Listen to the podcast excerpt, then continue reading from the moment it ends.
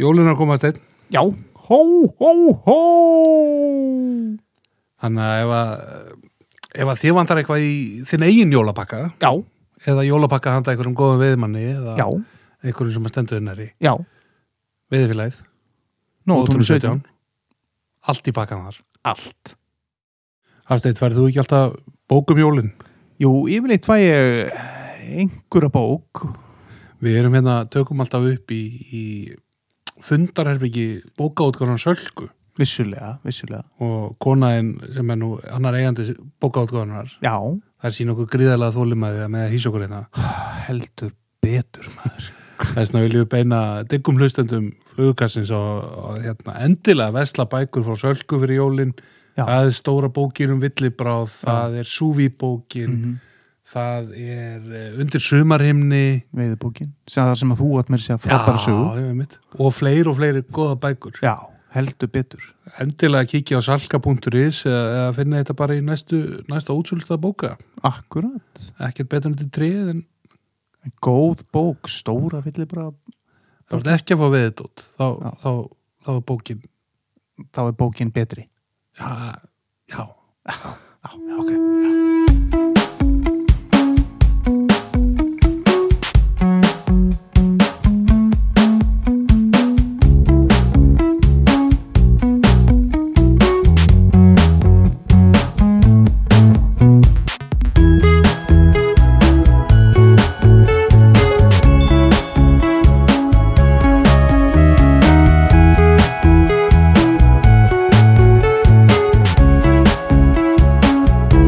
Já, Sigþór, það er fimmtudagur já, það er fimmtagur og við erum mættir mætt Já, og hérna og þessi er mættur líka Býttu nú við, býttu nú við það er hérna. Uss, uss, uss, uss, ef uss. það er eitthvað góður meðferðaráðgjafi þann úti þá finnið finni hafstein á samfélagsmiðlum og sendið honum skilabóð Sendi mér sk- skilaboð og hérna við getum rætt saman En við erum hins vegar konum með gest Sigþór og við ætlum að ræða við hann já, góðan gæst um, já, um ímislegt já, bara heim og geima hérna, Já, hver er þetta? Kristján Friðriksson öryggistjóri tölvunörd sjálfskeipaður mm formaður ármanna reittstjóri hérna, flugur og skröksugur.is -hmm. og, og margt fleira eh, æðst í jarl februarflugna og, og fleira ah, Þetta er velkomin þetta Kristján Já, bara takk fyrir, gaman að vera hérna. þetta já, velkomin, bara- velkomin gaman að fá þig, við Já. vorum nú búin að bóka þig hérna áður en þá var, þá var það hérna bakku sem að lagði þig haft þetta grínu það var lifurinn sem fór og hann gæti ekki mætt Það var nú bara Nei, það veikindi var góð, góð, gamla góð flensan bara En já, Kristján, það er bara kannski fara bara beint í upphafið. Hvar byrjar geggjunin? uh, Það er nú svona eins og hjá flest öllum öðrum Ég er, sko, að upplægi er ég þorpari Ná. Fættur og uppalinn út á, út á, út á landi Já. Eyrabakka Já, Þannig að það var bara eh, Ég held að það hef nú heyrst hérna áður Bara byrjaði á bryggjunni með færi og marnútur og sandkóli Mhm, klassíst Klassíst, klassíst sandkól, sandkóli, maður var skemmtilega að fá sandkóla manni, sko, þegar maður var á bryggjunni. Já, já það var nú öllu fríðari, sko Já, En hérna, jú, svo bara eh, er þetta náttúrulega á bökkum vassmestu áar landsins, Ölfusár. já, Og svo fór maður, þá fór maður að, að, að trýtla vestur í, vestur í Ós já, og hérna, og eh, maður byrjaði þetta svona með hérna eh, afgangum, ö- afgöngum, brotnustöngunum Já. frá eh, eldri bræðurum og svona. já, Og já, já, þannig byrjaði þetta. já, varstu þá eldastu sjóbyrtinginan í ósnum og Já, sjóbyrting og, og svona á leiðinni vestur eftir var, þurfti maður nú stundum að henda einhverju út svona í sjö, fjörunni. já, já, Var nú ekki, ekki endilega bannað á þeim tíma og þá voru þetta svona ykkur starri kvikindi sem hétu lags eitthvað. já, einhvers konar lagsar. Já, já, já, Já. já. þetta sé allt fyrnt Já, sko. þetta, já, það er- já, það, þetta, er, þetta er komið langt fram yfir fyrningafrest. já. já, já, En þarna náttúrulega gerir nú ráðfyrir að þú er ennþá í þessa á sem að köllu eitthvað hraun á hraunsá. Haunsá, mittlega eirabokk stóksirjar. Já. Jó, það kom nú ykkur tíma fyrir en þar voru svona, á þeim tíma voru nú svona kannski frekar óttalega lækja londur hérna já, en og ég var nú svolítið meira bara fyrir ósinn sko, já, Ölfusar ósinn Mhm. og svo fór maður þarna upp eftir á það sem við köllum engjar það er þá fyrir neðan það sem varmorinn er úti og það er það. Nei, það er í rauninni fyrir neðan kaldaðanis, austubakkanum Já, þá ertu komin yfir. Já, ég, ég, sem sagt, ég er mín megin, eirabakka megin sko Já.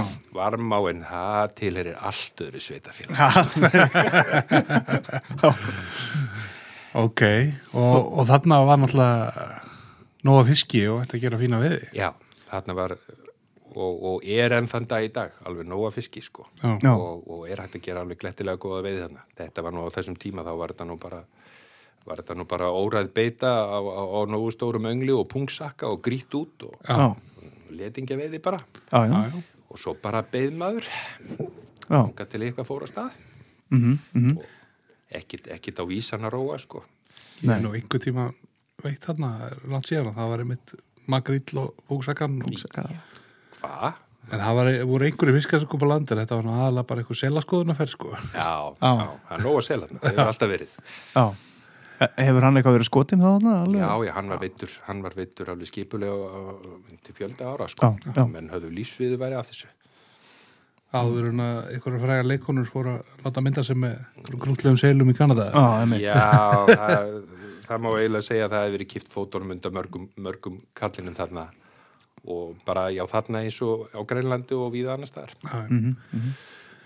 En ok, þú ert farin að fykta með gamla brotna stangir í Ölfusarvastnum og svona Jep, og hérna ungur öll, hvað erum við að tala um bara þetta er 10 ára gamall já, eitthvað innan 10-12 ára, tíu ára. Já. Já. já, já, maður, maður bara fór hérna vesturiti bara um leið og maður slappað heimann, sko. Já, 6-7 ára. Mhm. það er magna og ég myndi nú er ekki, ekki margi 6-7 ára sem ekki að vera eftirlitsleysir við Ölfusarós í, í dag Nei, það eru breytti tímar. það er Já. verið til Við erum farin, við erum farin að, að hérna, ofvenda greiðin okkar held í svolítið, sko. Það er Pínu, sko, pínu. Já, Já. En hérna, hvar kemur svo flugan og svona inn í þetta? Þegar Þú ert náttúrulega, löngu síðar. já. Já. Löngu, löngu síðar. sko. Er þetta svolítið mikið þroskasaði þegar hann eh, til að byrja með það? Nei, nei, þetta var, þetta var stuttsaga. Leið og, leið og, og, og hérna áhugin fór að vakna á einhverju öðru til þess að veiða, sko. Já. Þá hætti maður að veiða á stöng.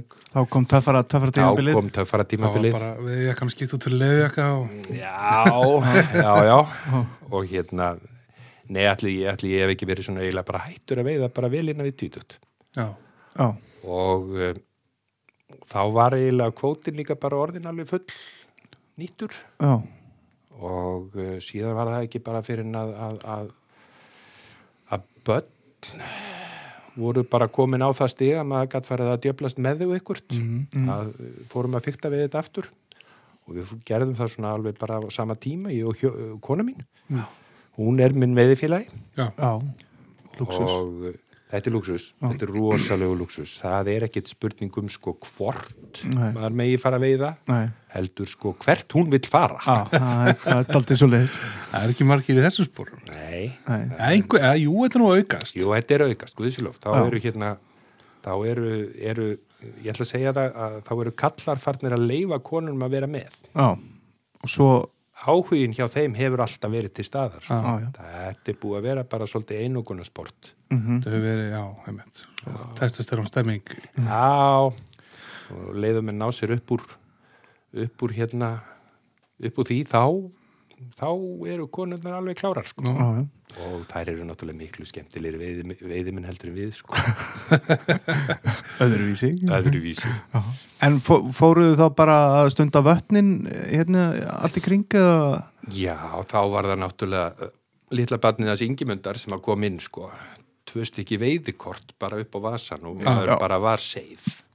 Það var því lík bylting þegar þetta það var kom. rosabilding og, og, og þetta er, þetta er það eru skipta skoðanir á veiðikortinu en ég hef alltaf verið mikill aðdáandi þess og, og ég vil meina að þetta hafi verið bara rind vatnaveiði af stað hér aftur Já, og bara veiði, bara uh, Já, fá áhugan aftur. Bæði, Já. bæði það að byrja að veiða í vötnum og sem, sem svo kannski leiðir að sér að maður vill þá fara að prófa flugu og svo vill maður prófa að fara í á. Ég Þannig held að að þetta, þetta sé nú með lang, lang, lang mestu jákvætt. þó að maður Já. er bölvið í stundum að það sé ekki pláss á augsnáðanum og eitthvað svona en Já. þá er þetta Já. kannski opnað augum hana fyrir mörgum öðrum svæðum sem að sem að voru ekki að stunda á og svo, svo eins og sömur eins og var núna í sömar þar sem að var engin lagsvegi til að tala um en fullt af góðu veðri og svona og Íslíkar voru mikið að ferðast með fjölskyldunni ég veit að veðikortið seldist alveg mjög vel í sömar og Mhm. fólk var að fara með krakkana og fjölskylduna í, í vötnin já, já, já, já. Ég meina, við erum bara að sjá sko að, að það talað um hvað er við að tala um að við séum 70.000 manns á Íslandi sem stundum stanguði. já. galin tala Þetta er galinn tala Já, já. en, en hérna það kæmust ekkit allir að í þessum ám Nei, nei, nei. og svo er ég bara þannig að mér finnst skemmtilega að veiði í vatni heldur en sem sagt kyrru vatni heldur en rennandi Já, bara vegna þess að ég kann ekkit lengur að veiða í rennandi vatni já, ok. já, já. Já, ætli það sé ekki bara öfugt hjá mér sko, ég kann Já. bara ekki það í stöðu lengur. Nei, nei. En já, þetta er nefnilega svolítið svona heimur sem að sem vatnaveið, við höfum verið svolítið kannski svona erfið að krakka fyrir okkur hagstæðin í þess- þessum þetta við höfum svona reynt að, reynt að fá góða menn og, og hérna fengum Örn hérna Hjálmars og, Já, og Tómas Skúla og, og, og fleiri góða en, en svona við erum alltaf að reyna að þjónusta þennan hóp einhvern veginn betur sko já, við erum Já. fjölmennari það er alveg, Já, alveg klárt það er alveg. Já, já, já, já. En svona, þú veist, ég man bara þegar að ég var að byrja að veiða, þá var svo rosalegt köld í kringum eins og Þingvallavatn og Ellegavatn og Júlstavatn. Þú veist, þá voru þessar hetjur Þól Nílsen og Jón Helgi og hérna eh, Arnelius og, og hérna Já, Pettersen og Já, já, já, já. svo bara svona svolítið drappaðist þetta niður og, og vakna svo aftur þá með veiðkortinu. Já, já, þetta vaknar með veðkortinu og það er, þetta, er, þetta er ekki sami sko þetta er ekki sama flóran sem kemur þarna inn með veðkortinu þetta er bara, Mhm. þú veist þetta er bara þessi auðli sem að mætir með bara eina sökku og, og flottolt og mafk í dall Mhm. það voru nú einhverju sem voru að tala um hérna dásömuðu dásömuðu maðkalíktina og flóu svo eitthvað dörti og eftir um daginn ég bara, Já, Já, ég skildi ekki. Já, ég, ég sakna ekki makkaðlíktar annars sko. nei, ekki ég heldur. Þið eru bara aldrei upp á Malbygg. Já, Það er bara þannig. Akkurat þannig.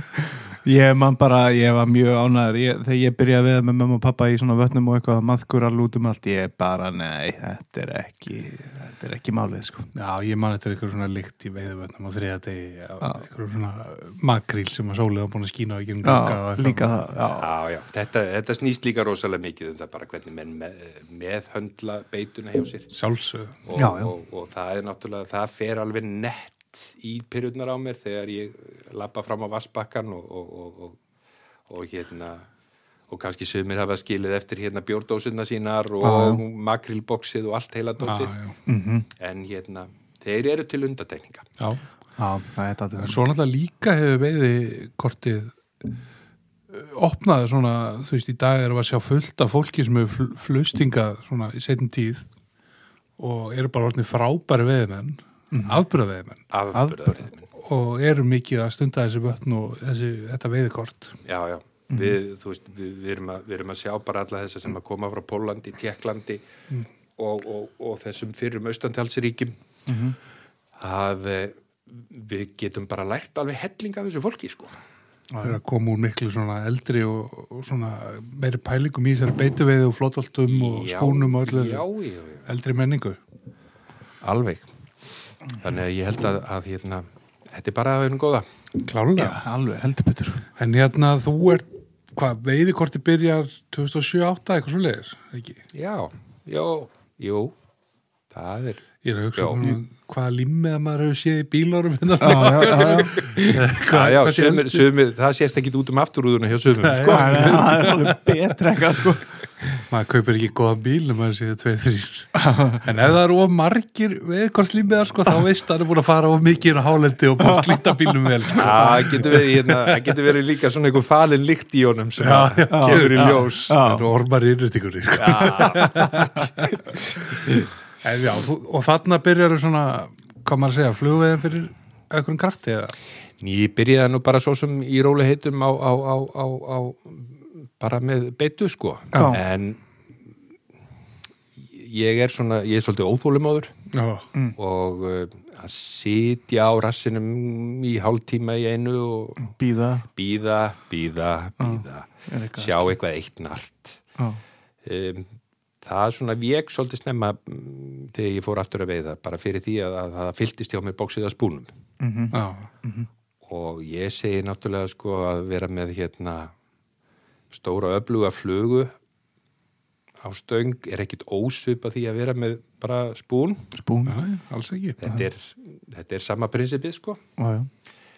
svo var það hérna svo lendi ég í einhverju aflaleysi einhverja sumanóttina hérna vestur í Nappadal í hlýðavatni í Nappadal já, Já. og uh, þar var fólk með svona uh, einhverja fjadurdruslur og var að henda þessu út í vatnið og þau veittu að þau voru að fá Já, þau fengu fisk alveg hægri vinstri og hérna endaði nú með ég bara einhvern tíman upp úr eitt, tvö leiti um nóttina sko, þá fór ég í gegnum allt raslið mitt og nýtti einhverjar druslur á, á öngul já, og notaði bara kastöngira sko, og flott já, já, og ég fekk fisk já. eftir að hafa verið bara steindaukt í einhver tíma og ég fór hérna niður í vesturöst og, og, og kefti mína fyrstu flugustöng held ég bara vikun og eftir þetta, þetta var eitthvað sem að gæta alveg já virkað sko. þetta var vendipunktur hjá þér en það já, þetta var ákveði vendipunktur já, og ok, hérna og ég held að ég hafi verið svona í blandaðri veiði Mm, það sumarið og síðan bara lagði ég kastönginni já, og, já, bara, og al, algjörlega færi bara Algjörlega, í já, ég, ég hef ekki ég hef ekki ég hef ekki kastað út öðru en flugu núna í, í nokkur ár Nei. ekki nema það bara rétt aðeins svona til þess að, að hérna búa til pásu þá hef ég hent stundum út fyrir konuna Eh, ég á ekki þá stöng sko Nei, það er ekki þín stöng en, enda ert þú eh, já, þú ert eins og komin að hérna, formaður ármana og ertu búin að vera lengi í þeim félagskap eða? mm, sko, ég gekk nú ekki í, í ármenn fyrir 2014 Já, já, og hérna þetta er náttúrulega þetta er trúlega mesta nörda félag landsins sem að snýst um stanguði Já. þarna veiða menn ekki á neitt annað en flugu á, á félagsvæðum ármanna Mhm. og, og ný, nýta heil óskupin af þessu Mhm.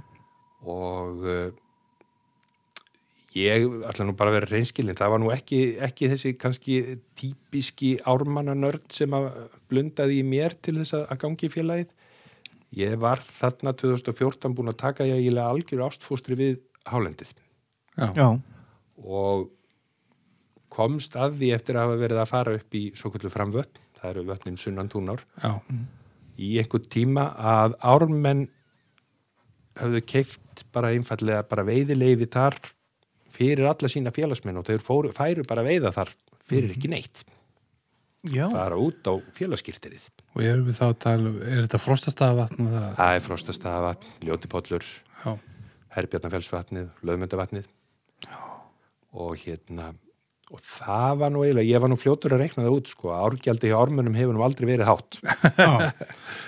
eða það er að segja ekki svona einn síðar ár já. nei, og uh, ég sá það bara að vera félagi, það sparaði bara hellingi í veiðileifum hann upp, í, Já. upp á hálendi sko. já.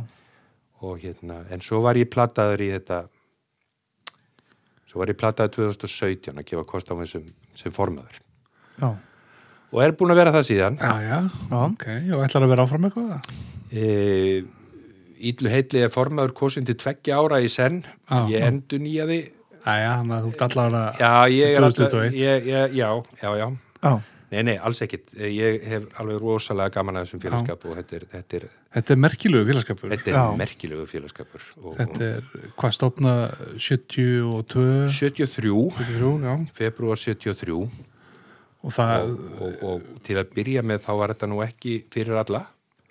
nei, Nei. Ingöngu gjaldi sem að þá var, var alveg á við sko einhver, einhver mánaðalögn verkamanna. já, Já, já, enda þetta var, þetta var nú svona mest þetta voru nú svona lögfræðingar og heilsalar og, og, og stórkaupmenn sem að Já. voru þarna í þessu pluss náttúrulega ástríðu veiðimenn já, Ég tengi mynd svona Skolbjörn Grímsson og Já, eitthvað já. svona þetta. já, þetta voru náttúrulega þetta, þetta er mekka fluguveiðinur á Íslandi sem að, sem að settist þarna að stopnaði þennan félagskap já, og eh, og hérna framan að var þetta svona svolítið svona, já lokaður, lo, hálflokaður klubur já. en félagi breytist tímandi breytast og félagi breytist með já, og, og, og við til dæmis uh, fyrir hvað, tveimur, þreimur árum síðan þá feldum við niður inntökugjaldið já, þarna gerast menn bara félagar og, og borga árgjaldið og eru þá bara orðnir, orðnir virkir félagar sko. Hvað er árgjaldið í dag? Haltu þið nú fast. já, Það er heila 10.000 krónur. já, Já, þetta er, Við höfum ekki efnað þessu, segir Þór. Nei, nei, ég ekki. meina það má Við erum alltaf sleppa, að vinna frýtt við þetta eitthvað. Já, já. það má náttúrulega bara líka sleppa einni kipp og bjór og þá ertu komið með. Já, nei. Það er fast sko- skotið að að það sé við þetta. Það er, það er þétting, þéttingsvast í mann. Búm. En hérna, já, og þið eru náttúrulega með hérna yndislega aðstöðu nýri vóðum. Já, það var, Félagsemmili. já, þetta félagseimili náttúrulega er algjör perla fyrir svona félag að, og, og, og það má eiginlega segja sko að það var, það var, það var nýtt fyrir þessu félagi. Já. félagsmenn komu saman og nýttu flugur og seldu og komu hér í, í sölu í, í, í vestlunum og, og hérna já, það má eiginlega segja að menn hafi Ha, nýtt bara sér skuldum félag Já. félagseimili Það er Og- vel Og gert. þetta er ekkit leigúsnað, neitt, þetta er bara eign félagsins. þetta er eign félagsins og, og við erum reyndar svona undir það setti núna að verða að breyta hverfinu í, í mjög blandaða byggð Já, Já, eh, sem sagt örf á fyrirtæki og aðalega íbúðir já, þannig að við þurfum kannski að fara að hugsa okkur til reyfings já, ok. en já. Mm. Það þetta, var nú er, ekki þetta, allir- er, fa- þetta er fastegn Já, þetta er náttúrulega, hefur mikið sjarma á svona panelinn og og svona það sem hangir hérna á veggjónum og svona, hafa ekki já, öll- já, það er hafa ekki öll stanguði fyrir að ná að færa þennan sjarma á milli húsa eins og nei, Nei. en það okkur texta, það er, það er ennþá það mikið af, af sjarma tröllum þannig innan félagsins þeir, þeir passu upp á ákveðna stangir sem við hafaður upp á vegg og ákveðni fiskar þó að þeir séu orðnir hálsgrænnaðir kannski Já, já, já.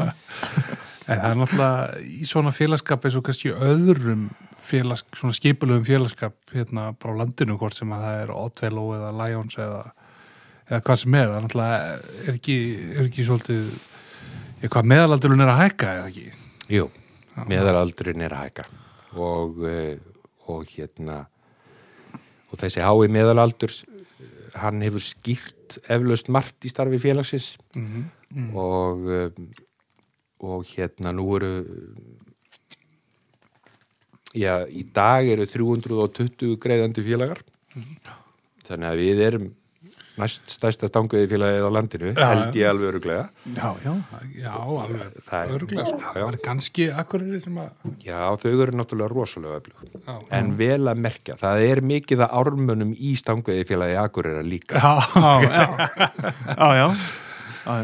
En hérna, okkur hefur nú samt sem aðu tekist núna á síður árum að laða til okkar yngri félaga Mm. og meðalaldurinn hefur verið að lækka frábært Það er gott. og, og hérna, og við erum svona alltaf að hamast við að, að hérna leggja höfuði í bleiti og finna eitthvað sem að yngri félagsmönnum fellur í geð. Mhm. þetta er menn sem að koma úr, úr, úr hlaðvarpinu sko eru kannski ekkit endilega tilbúinur að sitja undir upplestri öll kvöld í, í, í árósum félagseimilun okkar Já, en ég held að við séum samt sem við höfum ímislegt að bjóða Já, við ég höfum myndi segja Um, í það. þessum öl- eldri félagsmönnum þá býr líka alveg gríðaleg þekking og, heldur og, betur. og hérna og það hefur lengi verið sagt um ármenn að, að hugsaðu þig um áður og spyrð ármann að einhverju vegna þess að þú þarft að hafa svolítið góðan tíma menn hafa fáið mörgu að segja já það er, þetta er eitt- eitt, eitt lítið svar bara. Þeir bjóðu fólki að koma hérna á mánudagskvöldum eftir árumótið ekki og nýta og bara frá, Kynna sér starfsemina. ég- bara frá hausti og fram á vor þá hittast ármenn á mánudagskvöldum klukkan átta á það sem við köllum skegg og skott Já, og það eru nýtinga kvöld ármanna og, og menn nýta bæði flugur og íkotnannan á, og þarna er- við, við tökum alltaf á móti fólki. Það er allir velkomnir ef einhver, ef einhver vill kynnaði starfseminna Já og bara prófa að nýta flugu þá erum við bara með græjur og það er nóga mönnum sem að kunna leiðbina sko. Mér manna veit eitthvað tíma fór í þarna að Magna sko, hann gestu þáttarins hérna, Jón Aðalsteitt satt hann og var að nýta og maður gætt svona bara gengi í það að fá spyrjan, spjörunum úr og, Já. og fleiri Já, já, já, já. kalla sko. Við erum já, ármenn eiga eins og ég segi alveg ótalmarka perlur það innanum já, og, og, og margir frægir nýtarar sem að hafa, hafa haldið tryggð við félagið. Mm -hmm. Jón Aðalsteinn þar að meðal. Já. En hérna, já, við kvetjum bara ef að mennur áhersamir og þannig náttúrulega er já, já. aktivitet alla, alla mánuða, alla veturinn og alla mánudaga og, og, og yfirleitt tvísvar, þrísvar í mánuði þá erum við á miðvíkutaskvöldum með einhver fræðsluerindi eða kynningar Já. yfirleitt alltaf opið en það kemur nú líka fyrir að við, við viljum ræða svona innanbúðamál við, við félagsmenn Já, já, skiljanlega. Eða félagsmenn ræða sín á milli en, en það er um að gera bara kíkja á dagskrána hjá okkur á ármenn.is Já, vá, við bara bendum öllum að gera þetta. Þetta er svaka dasgrá og vel gert hjá okkur. já, já, þetta er bara, já, aðdánavert að halda, halda úti svona lengi svona eh, félagskap og eins og stendur á heimasíðunni hjá ármörum, ég tjekka á þessu þetta er svona, þetta er hvaða samfélag manna sem að lætur ekkit of mikið fyrir sér fara held ég að hafa í staðið nægsta já, Já. reyna að vera ekkit að hana sér neitt í sviðsljósi já. Nei, nei, það er hérna já, margir hverjir eru, eru, eru hóværir Já. og aðrir bara í orði Já, já, en hérna en þarna er náttúrulega já, eins og maður segir, hver, þú veist þetta félag var með svæð á leigu, var það ekki grenlæk og eitthvað Jú, jú, svona jú, jú. Ármenn, ármenn í, til fjölda ára voru með, voru með margar ár og, og, og læki hér út um kvipin og kvapin og leigu Já. tóku þátt í uppbyggingu það er, svona, það er svolítið rauðu þráður í gegnum starf ármanna Mm. að, eh, og, og það segir nú alveg í siðareglum okkar að, að hérna við, við virðum mann og, og, og náttúru og, og allt þar fram eftir göttunum við erum svona umhverfisvænir og langt á undan öllum grænum byltingum sko skil ég ekkert eftir um fótsporin einmitt, einmitt Já.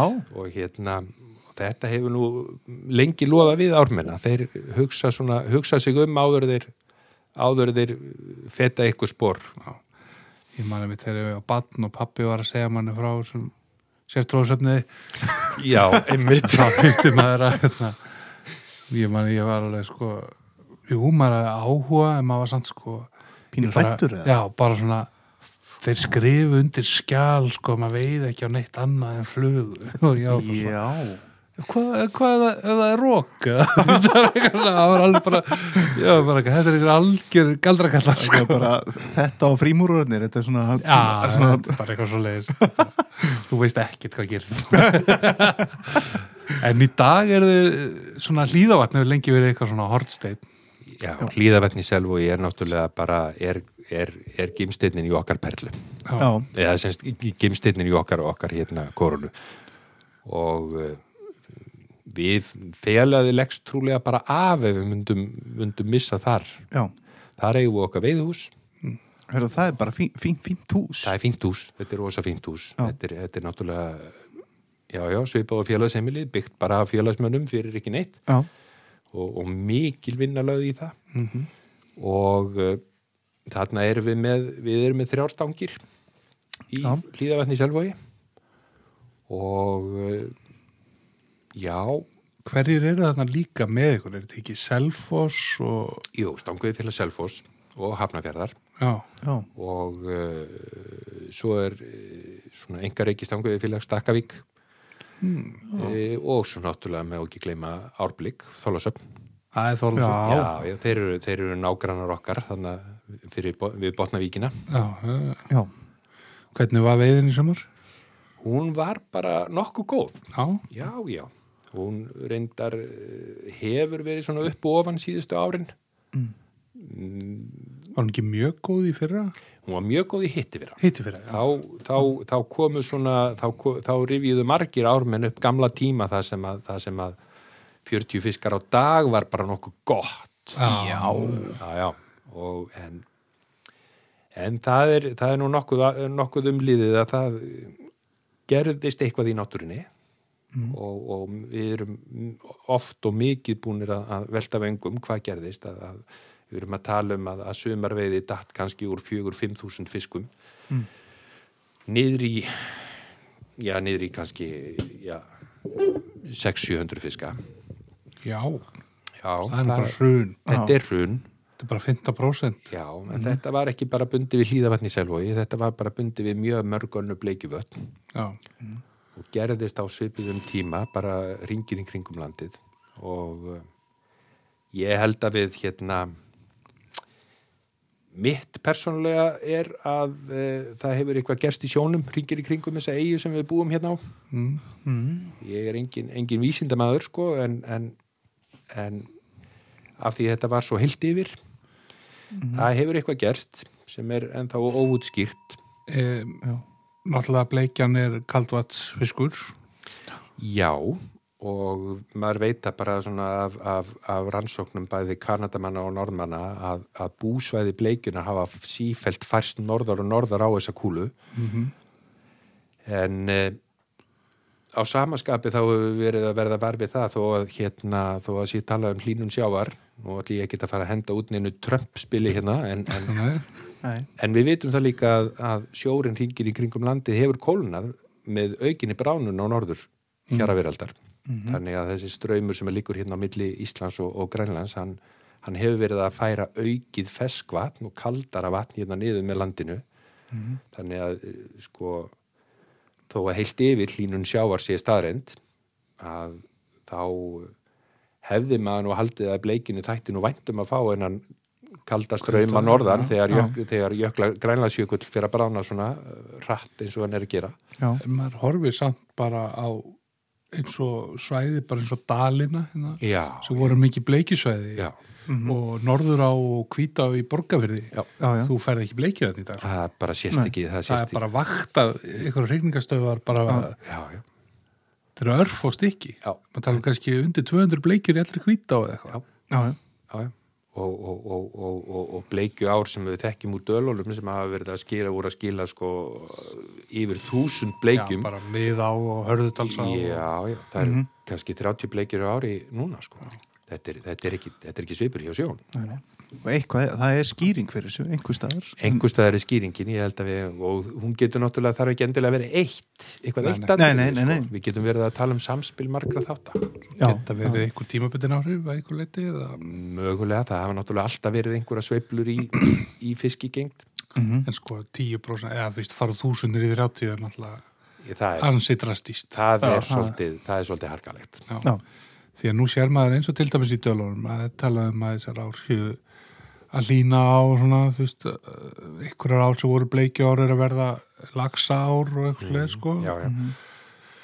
En Það eru samt, þú veist, eins og maður kerur hérna í, í miðá og svona, það eru hérna kaldasprænu sem fe- fella úr eins og bara beint ofan og bröttubrekku og hérna onni og Það á ekki að vera, það er ekki eina skýringin, nei, sko. ma- mann er finnst að bleikja þetta geta hringt þarna alveg eins og Já, já. á austjörðum í þessum köldu ám, sko. Já, já. Já. já. ef hún kemst inn fyrir sjókvíðanar. Já, það er þetta svo annar mál. Það er sko, ef að eigum að ræða það á eftir eitthvað sko. Það er kannski bara svona pent, sko. Við, Bara, já. við reynum að halda okkur á, á léttunóttunum, sko. Já, já. já, en einn annars verða allir hérna nokkuð brjálæðir, sko. en- Segðu mér eh, aftur ef við förum í líðavatnið. Já. Það er náttúrulega stutt þarna út í sjó. Já, Bara vóðu sinna bara einhverju Það eru við kannski, já, 100 metrar eða við eitthvað. kannski aðeins hérna, bara, það er einhver bílun hérna í, í, í, í Brunabóða? brunabóða og þið afsakið hérna þetta, eh, þessa bjöllu hérna. Já. já, það er Já. stutt út í sjó. já, það er stutt út Og maður heyrði alltaf að því að, að bleikjan líðavatni færi samt ekki út í sjó. Hefur eitthvað verið rannsaka með þetta eða, eða hefur eitthvað kenningum þetta? Já, sko, það hefur viljað loða við og, og margir haldið því fram að bleikjan í hlýðavatni sé sjóbleikja. Já, Hún er björt og Eh, Hún er björt, já, já, Fallega. hún er björt og, og, og hún er sérstaklega bræðgóð. Það er ekki, það er ekki spurning. já, Þetta er næstum því besta bleikjan á landinu. En hérna,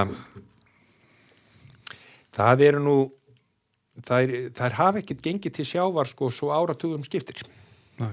og eh, það var náttúrulega á tímabili hérna fyrir einhverjum tugum ára síðan að þá rofnaði eyðið annarslagið mm. eða gekk sjór inn yfir eyðið og, og, og, og pusaðist þá inn í, í selvóin, inn í hlýðavatnið í selvóinum já, en það hefur ekkert gerst núna og uh, ekkert útitt fyrir að það gerist á næstunni við erum búin að fá suðustrandavegin þarna já, já. sem er náttúrulega uh, lokar þjappar eðinu svolítið -hmm. og svo uh, voru fórstjáli menn sem að hérna komist að þeirri niðurstöðu að það væri hægt að varna flundrunni leið inn í hlýða vatn Já, það er hansi snirtilega laust það Já. er, alg, þetta er algjör snild veittist lundraða þarna stundum Já, það var, það var algjör sprengja á, á flundurveiði í hlýðavatni þegar hún fór að láta kræla svona mikið á sér já, og þá komust menn að því að, að, að reysa bara þessa flundurgildru bara grjótgarð já, Þetta er bara ekki metersátt, þetta er bara Nei. smá fall já, já, já. Og, og það þar reyndar sko, hann er, þetta er nú ekki starra en svo að, að í stærsta strömm þá getur vatnað yfir, þá getur sjór komist inn í, Já. inn í. en það er ekkit, ekkit, ekkit líkingu við það sem gerðist hér áður fyrir já. Þetta er eiginlega alveg með ólíkitum að bleikjan fara ekki út í sjó eitthvað af henni eða já. þess að maður hefur séð, þú veist, þess að talað með brúar á eitthvað sé að fara út í sjó og eitthvað sé á staðnum og Ég held að, ég held að skýringi sé bara óskup einföld. Það er nóg að er, éta. það er nóg að veta í líðavatni, Já, sko. það er Bæði fyrir fiska og menn. Já, já, af hverju reynum stofnin þá svona? Það er spurning. Um, möguleiki, eh, möguleiki að ykkar hafi gerst eh, bara upp á heiði. Við, náttúrulega, það, eru, það, eru, það kemur kalt, það er ekki tjáanlegt aðreynsli í hlýðavatni. Nei. Þetta er allt saman sem kemur inn undan raunni eða út eins og undan er hrauni. hérna á þessu svæði bara Já, já, já, já, þetta er náttúrulega hriplegt svæði. þetta er svo Það- riflegt að það er á- hvergi á að finna hana Nei, nei, nei, nei. nei. En, en það er möguleiki hva, hvort eitthvað hafi gerst upp á, upp á heiði, hvort að það hafi orðið ykkur komið eitthvað heitar á vatn eða... möguleiki heitara vatn sem hafi borið eitthvað með sér. Já. En við getum bara ekki og höfum ekki, okkur hefur ekki tekist að setja puttan á það. nú hefur hérna eins og þú segir eh, ármenn hafa nýtt flugur fyrir heilu fastegnunum sko Já, já. Og, og það er nú búið að nýta heilu fastegnunar af flugum fyrir hlýðaðan hvað hérna fyrir eitthvað sem er að hlusta og langar að, að reyna sig kannski í hlýðavatni næsta sumar og hann er að fara að sittast við væsing hvað er þetta að kasta á og svona Það er náttúrulega sko ógrindur konungur hlýðavass er píkokk. það, já, Hann er náttúrulega, hann var til á bakkanum.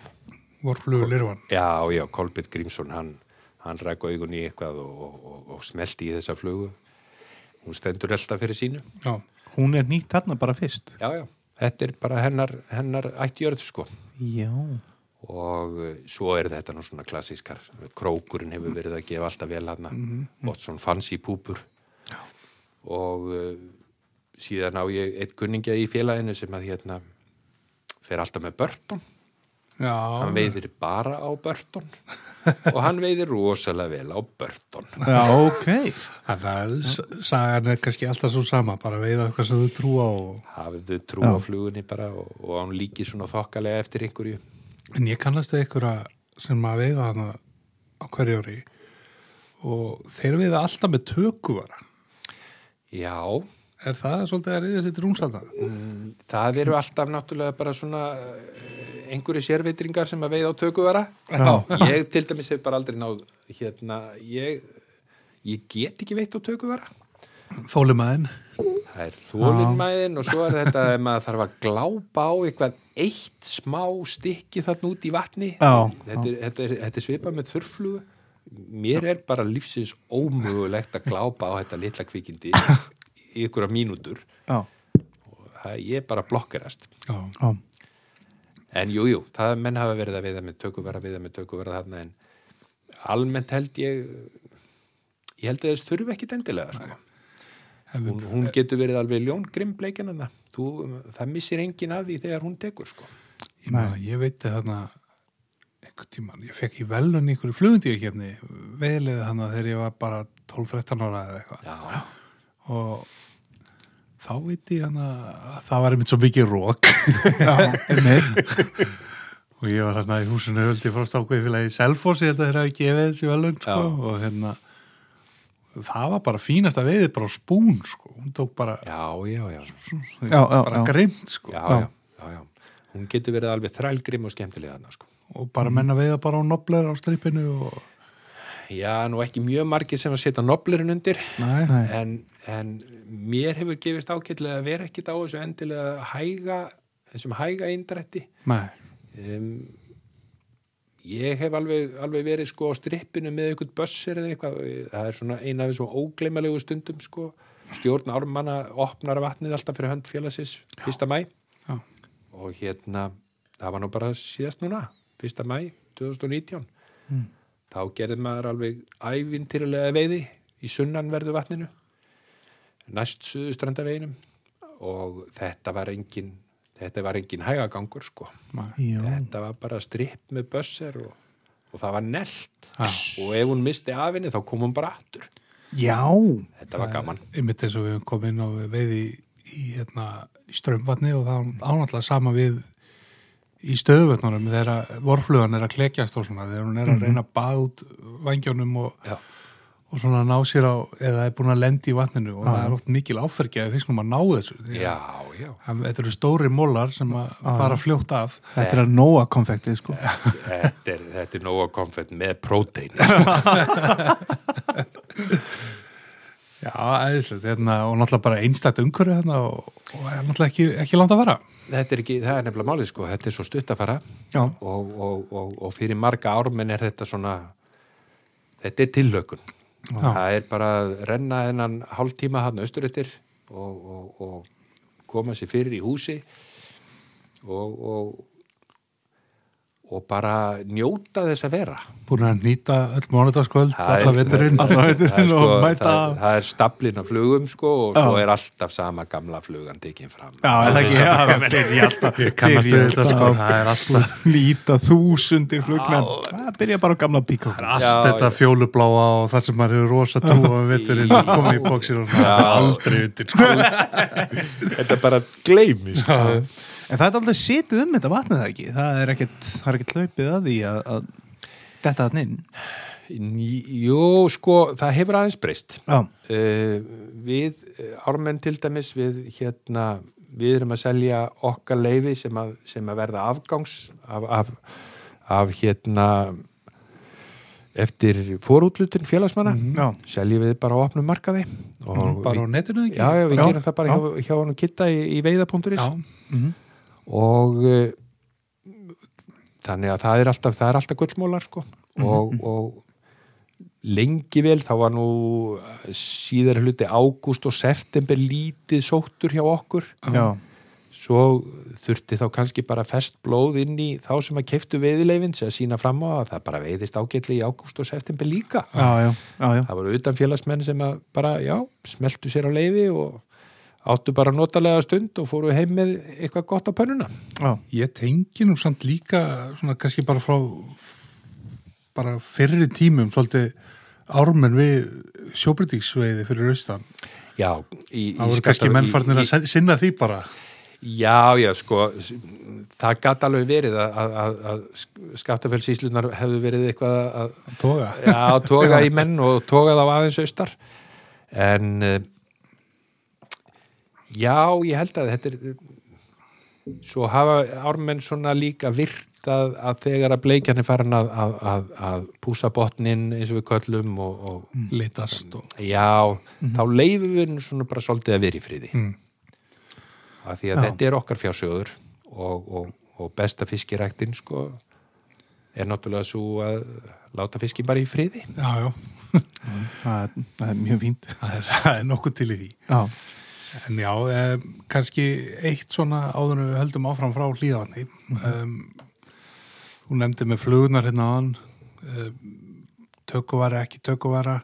Þú veist, er þetta bara st- stöng 5-6 og, og bara stanga lengt í taum eða hva, hvernig er Já. þetta að stilla þessu upp hana? Ég, ég eh, já, stöng eh, 5-6 uh, stangalengt plus Já. í taum og eh, ég sjálfur veiði gjarnan þarna á bara klassíska, klassískar gamlar votflugur já, já, já. þannig að það er bara, það er bara flotlínan en uh, það kemur líka fyrir ef ekkit, ef ekkit er að gerast þannig að þá setjum maður bara intermediate undir og, og, og hérna og ykkur á púpu Já. dregur þetta bara lúsættin já. og ef það virkar ekki nú þá bara trillismæður og dregur hatt og er þetta eitthvað svona 6-8 bita taumur eitthvað leið já, Já, bara svona já. þessi klassíski mér hefur nú aldrei, ég, ég er einn af þessum eh, hérna eh, kjá- eitt af þessum kjáraprikkum sem að ég held að það snúist nú fyrst og fremst um að taumurinn sé ekki orðin mattur og ljótur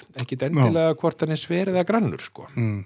uh, vera bara að skipta um taum og vera með tæran góðan taum þetta er náttúrulega í raunni og svona maður þarf örugglega að tjekka á taumnum og svona vera með Reglulega. þetta hvað er að Já, gerast. hann, hamra, hann getur hamrast svolítið hressilega ef maður er þeim megin í vatninu. En svo eru, eru staðir náttúrulega líka eins og, eins og framöndan Mósatanga og, og, og sunnanvert í vatninu. Svo hefur komið náttúrulega inn eftir, eftir, eftir að flundru gildran var sett. Þá varð til þarna svo kvöldu brúarbreiða.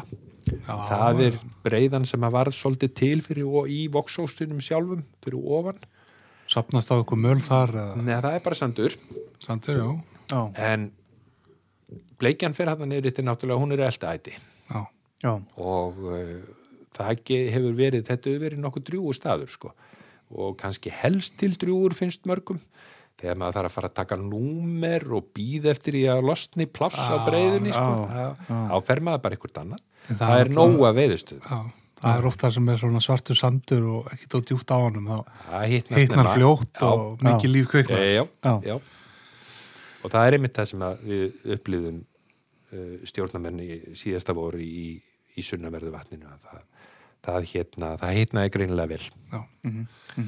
frábært, ég held að það sé örgulega margir svona farnir að renna hýra auga og hérna líðavatn og maður hann kannski að fara endur nýja kynnin sjálfur já. bara Sigþór, við ættum kannski bara að taka einhvern tíðan, bara í mæju eitthvað, taka já, já, maður, maður Bara- tekur, tekur bara, pulsubakka og Já. hérna kótalitum og hérna bara gangi ykkur vel að fá veiðileif í mæ já, já, við Já, hérna við erum skráum reyndar- okkur bara við erum reyndar með formannin hérna og það er nú kannski auðvelt að hérna. já, bara taka fastan þetta en herri, þú gerir fleira heldur en að veita, veita hérna ormunum fórsvar, þú ert með alveg frábæra heimasíðu Mhm.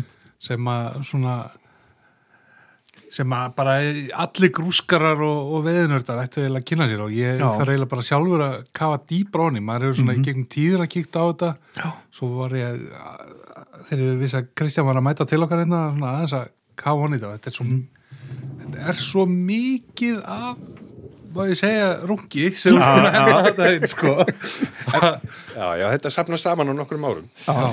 En þetta byrjaði bara sem bara eiginlega einhver, einhvers konar dagbóka það ekki? já, þetta var nú bara svona til þess að geta skráð hvar maður veiti og hvað veiti maður og, Á og hvað og- og, hvað og svona Já.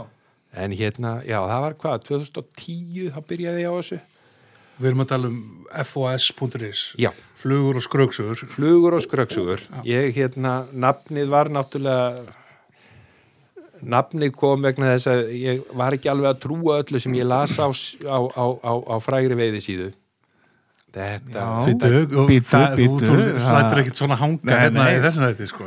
Nei, ég, ég get alveg sagt það sko Já. að, að hérna ég, þegar ég var að byrja í flugviðinni ég bara trúði valla því að það væru til svona mikli snillingar í flugvið á Íslandi sem að, sem að sagt var frá á, á flugur.is Mhm. hjá Stefáni, Já, já, já. Stefáni Stefán. félaga Ármanna og hérna Er hann, hann er álmaður. já, Já. já, já, já, Það, er, það eru allir flugviðin Allir sem helstu. alvöru flugviðin eru Þú á kallar Sigþór Shit, við erum bara að bróka okkur eftir. En hérna, mér varðaði eitthvað tíman á orði að hérna, þetta, þetta, þetta, þetta hlýtu bara að vera skröksugur. já, hann væri ekki hægt að ná svona valdi á náttúrunni. Vald bara að vera, þú veist, sleppa maðkinum og vera að henda ykkur fíðu fíð þarna, döðu fíðu fíð út í vatnið og, og vera bara með hvert fiskin og fætur öðru. Já. En hérna, og það, ég man nú ekki hvort það var ykkur kunningi eða hvort að ég bara átið upp sjálfur að já, flugur og skröksugur, það væri svolítið snuður. Það er mjög fín en svo hefur þetta, svo hefur þetta aðeins, aðeins hérna, þetta hefur nú bara stýst nýr í fós Já. Já. Og þarna byrjaður með svona dagbók utar megin við því já, og svo fór maður náttúrulega svo var, þetta, þetta er náttúrulega þetta er, þetta er, þetta er bakterja Já. og, og hérna þú er þetta er svona, þetta er veikindasaga þín. já, það má eiginlega segja sko, Þetta er kvöl og bína já, þetta er kvöl og pína og þetta er, þetta er, þetta er mín harmkvæla, sa- harmkvæla saga sko, að- að að rekja þarna og ég fór að, að hérna ég fór að taka upp á því að í lok sumars þá fór ég yfir sumari ég gerði sumarið svolítið bara upp Mhm. bara á pappir, bara eða semst í tölvunni Já, og þá voru þá stóðu oftar eftir sko fullta spurningu býtu hvers vegna gerðist þetta hjá mér í sumar já, og þá fór maður að grúska og lesa og í einhverju brýri held ég jafnvel að það væri fleiri kjánaprikk hann úti heldur en ég og væri kannski með svipaða spurningar þannig að ég svaraði bara sjálfur mér í einhverjum greinum Já. og byrti á síðunni og þá kom bara í ljós að þú veist fyrstu tvo mánuðana minni mig ég hafi verið alveg hoppandi kátur sko ég var með sko kannski 30 gesti á mánuð á síðunni þetta, var, þetta var rosalega flott Einn á maður. dag, maður. þetta er bara einn á dag já Það er það var alveg í. aðalega ég og konaðin að það varst ekki þú. og einhver- ég held hún hafi enga á þessu Nú, já, já, já. Eh, jú, jú, mikil ósköp en hérna, svo því ég fór að, að hérna, svara sjálfum mér Já.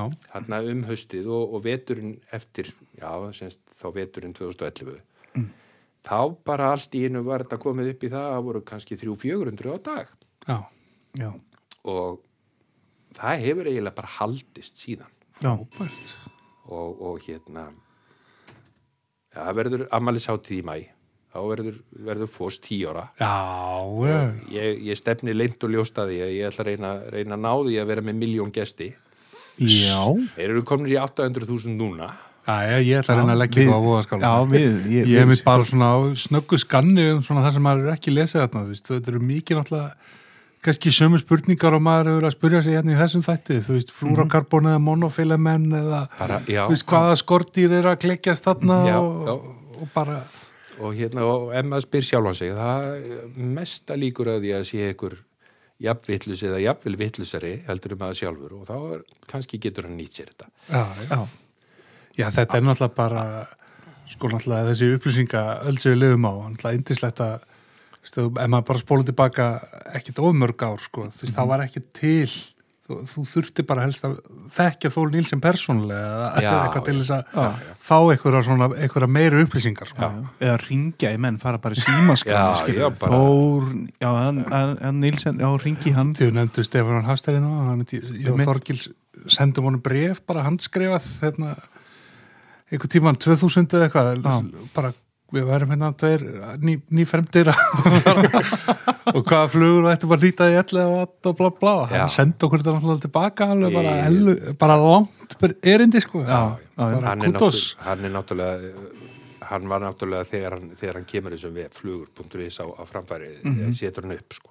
þá er þetta algjör bylting og hann var líka, er bara greiðvikinn maður að eðlisfæri ég man eftir hvað mér vannst að geða þetta ég horfði alltaf á Íslandi bítið og hann fór í skólan Já, því að hann var þar nei nei, þú veist, þá kom hann og, og Guðni Ágússon já, opnaði síður það í beinni útsendingu í Íslandi bítið Já, já, já, já já, já.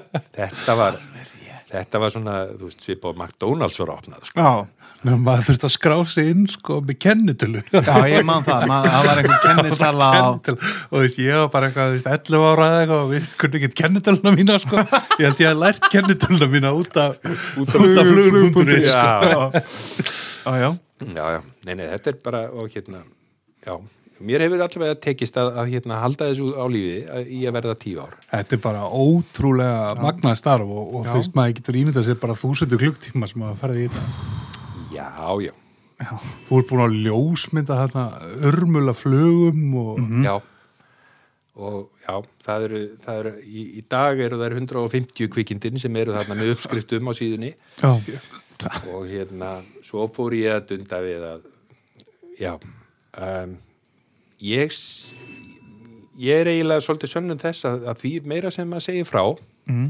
því meira fær maður að vita algjörlega, já, það er að deila það kemur alltaf margfald tilbaka sko, þetta er karma á, algjört á og hérna, og ef maður segir frá ykkur um veiðistöðum mhm, þá fær maður orðsendingu oft og yðurlega regla Heyrðu, ég er að skoða kortið þarna á þessu vatni það vantar punkt á kortið á, já, og þá, er, þá tekur maður fram hérna kortið og, Kortið og, og og bætir einum punkt við og, og smellir aftur inn á síðuna gekkja og hérna þetta nýtist vonandi ykkur við fáum stundum hérna sendingar í þessum þætti, svona, hvað er fjandarum sem að segja frá þessu eða hinnu en, en miklu oftar er það veit- vekur þetta svona áhuga og, og kannski gagnast einhverjum Já, já. líka bara eins og með f- hvort það eru flugur eða, eða einhverju veiðistæðir það kannski bara hvetur mann sjálfan til þess að fara að prófa okkar nýtt sko, já, það er nú það sem er líka á, já líka þannig Þetta er, þetta er allt til að hjálpa öllum sko. Jó, jó, ég veit, ég veit svo sem er menn sem að hafa hérna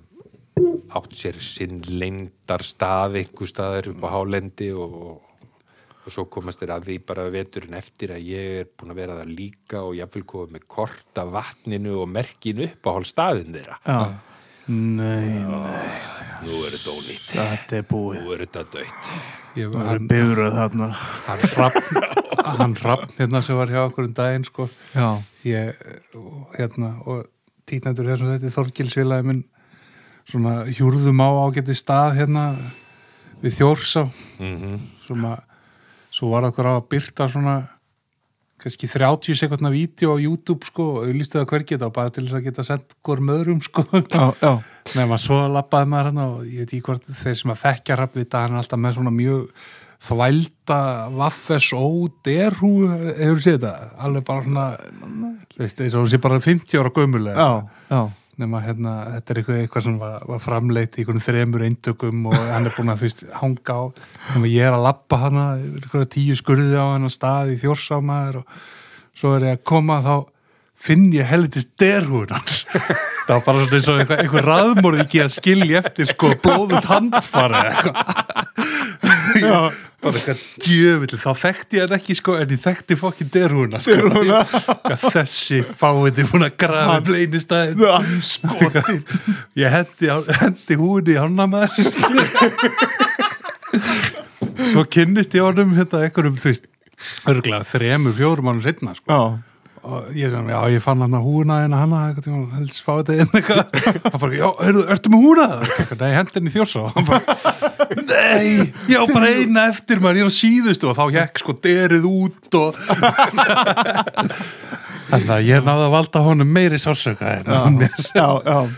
En þú veist, gott að blessa það er nú plás í þjórsáfur okkur tvo já, Já, ég held að hljóta að vera það. En þú nefndi það, einmitt, og ert búin að nefna það að þú hafi tekið ástfóstri við hálendið Já, og eru það þá held þessi vötsuna tungnár eða, eða ferðu við það? já, ég er náttúrulega fer í veiðivötnin. Já. Hver fer ekki í veiðivötnin? Hver hefur aldrei Eh, verið? það? Ég hef bara- aldrei farið í veið Úf. Sko hafstætt, bara fyrir utan það, hvað veiðu að henda áfengisjúklingi svo þetta gríðalega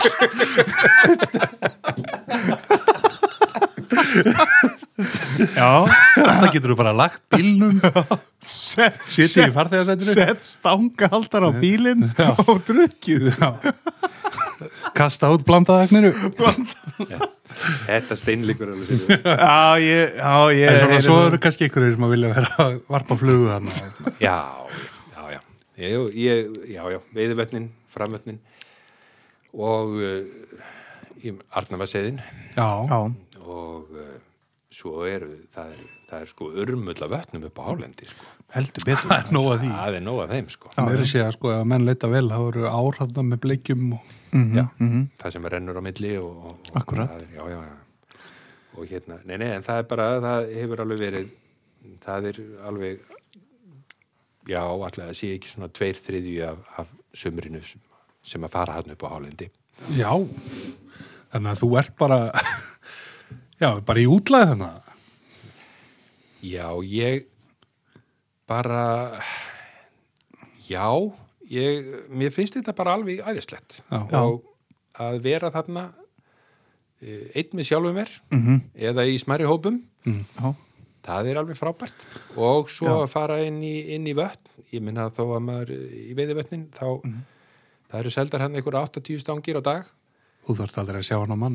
ég þarf aldrei að sjá neitt Nei, nei, en nákvæmlega. ef ég þarf á ykkur að halda af því það er svona náttúrulega líka eitt með uh, veiðivatnakalla og kellingar að um, þeir eru til undatekninga sem að lúra á ykkur um upplýsingum Þetta er svolítið samfélagið. Já, er Já, það ekki? jú. Leður komin upp yttir, þeir eru kannski ekki endilega að tala um þetta mikið Nei, nema nei, fyrir þú ert mættur á staði. Já, Þá já. eru menn kannski tilbúinir að- Svepploftið fræga. Eh, svo, já, ég reyndar aldrei orðið svo frægur að gista á sveflottinu en, hérna, en, en það er bara þegar menn bara hittast fyrir framann uh, Varberg og, og, og hérna Að gera borðið. aðgeraborðið Já. fræga, sem er nú í beinni útsendingu allt sumarið í vefmyndavél hjá veiðvötnum Já, það. Í alvöru? Já, vissur þakki drengur Þannig að- Sigþór, en vissir þú þetta? Þetta er- Nei, þú ert að fara bara eftir tvo-þrjá daga, þá getur þú bara vakta í lók dags. Já, já Já. Maður bara, Já, já, maður bara sér hvernig mönnum gengur Það Bara- þarf ekki að vera veiðiskísla maður bara veit ef það er byður eða á aðgeraborði þá er eitthvað að gerast Herðu, vá, ég, ég, ég meina, vissi og þetta er- ekki. Sko, þetta er ekki hlaðvarp Nei, Nei, nei. þetta- þetta er bara bein. bein. Bara bein út bein útsending, Sigþór. 24-7. Já, Já, já. Við þurfum að, ég verða að kíkja á þetta fyrir næsta söndag. Já, Já, já, ég veit ekki kíkja núna. það er örugglega- Ekki núna, það er ekkert að ske. Eh, já, jú, bara, jú, jú En er hún bara í, alltaf í gangi? já. 24-7 bara alla daga Já, já. ársins? Já, já. Bara að horta á eitthvað góðan snjóskafl núna. já við, maður, maður, hérna, maður fylgist vel með snjóalögum þarna upp frá. Hvað er slóðin á þetta? Bara Veiðivert.is. Veiðverk.is og bara vefmyndavél Já, ok. Svo er þetta náttúrulega undir tenglum og fós Já, já, sjálfsög. Allir kíkja bara inn á fórs.is og tengla sér upp. Maður ná miljónni. Námiðlunum En já, ég hef mitt svona, mér finnst samt svona svolítið slagsíða í þessu fórsjáðar. Þetta er svolítið svona, eins og þú talaður um hérna að þú væri líffræðinörd. Þetta er svona, Já, ertu, eh, þú veist, þetta eru, þú veist, þú ert að pæla í þessu. Þú ert ekki bara að nýta eh, grænan og rauðan og strýmer og kasta honum endilega út í blindandi. Er, þú veist, hefur þú prófað eins og, við lendum við hann örd hérna þegar hann talaði við okkur um veiðavönd. Hefur þú prófað eins og að veiða á búbunar upp í veiðavöndum? já, urriðan líka já og, Og? Ég veiði alltaf upp í veiðvötnum já, Já. Það er, ég meina um, það hefur komið fyrir að maður hefur tekið sko það er náttúrulega oft talað um þessar risaflugur upp í veiðvötnum Mhm. stóra, öfluga, noblera, þyngt alveg þyngt Ah, til já. dauðan sett á söktaum og allt heila dótið um, það var bara mjög eftirminnilegt þegar það kveiknaði á perunni hjá mér að það væri nú bara fiskur í yfirborðinu hann líka já, og Mhm. ég setti held ég dentist bara númer tíu á, á flotlínu grýtt út og það var trúlega bara einhver skemmtilegasta sko, afstundin Ég kom með þetta, ég fór hún á fós. myndavélina Það Og- er kannski komið að fá um orð, það er snjór upp í veður Það er snjór upp í veiðvötnum, en þetta er samt ekki að aðgerðaborðinu. Þetta er, eða þú Það veist- gerir bara nei, þeirri og- kafi í snjó en, Þetta er en, er, þarna- en er snúið yfir vetratíman sko. En, já, Já, já, þetta er svona til að hafa þetta fallegra en, Já. en þetta var mjög fljótt að finna þetta á fós.is já, já en eins og ég segi sko að, að þetta er bara spurningin um hverju menn hafa trú á Mm. og veitu bara á, á það sem þú hefur trú á og þú veiðir Svo náttúrulega á góður stöðum og eins og við nefndum svartasandinn já, Mhm. það er að koma upp úr þessu og, og þegar að urriðin hefur einhvern veginn valin það að fara að eða mikill orku í að elda einhver hotsíli eða, eða bara tína Ta- upp tína skortirinn þá upp, er kannski ekki ósannlegt að hann fari í nei, nei, nei, nei, hann- auðvitaðleðina já, já. maður, maður hefur átt alveg sko í, í sumarstillum sko inn við eh, Litlasjó Já. um, bara í fyrstu vikinni þá hefur maður átt alveg ævintýralega ævintýralega kvöld þarna Já, og eh, veiða bara í yfirborðinu smá, ykkur smá kríli, jafnvel ykkur að mýflugu eh, eftirlíkingar eða eitthvað tímlíkt og þegar að kannski þryggja fjóra punta urriði kemur í svona litla flugu Mhm. þá er bara allt í gangi já. það er bara allt í gangi Þetta er Býr ekki mikið æðislegt. meira. þetta er æðislegt já, já, já, já. En svo er annað kvikindi þarna skötu Æ. ormurinn Já, Mér langar, sko, ég, mína kenningar um hennar skötuorm, sko, uh, þú veit þetta mikið, hefur verið að sjá þetta mikið í eins og í, um, í hvað, eðrum vissins?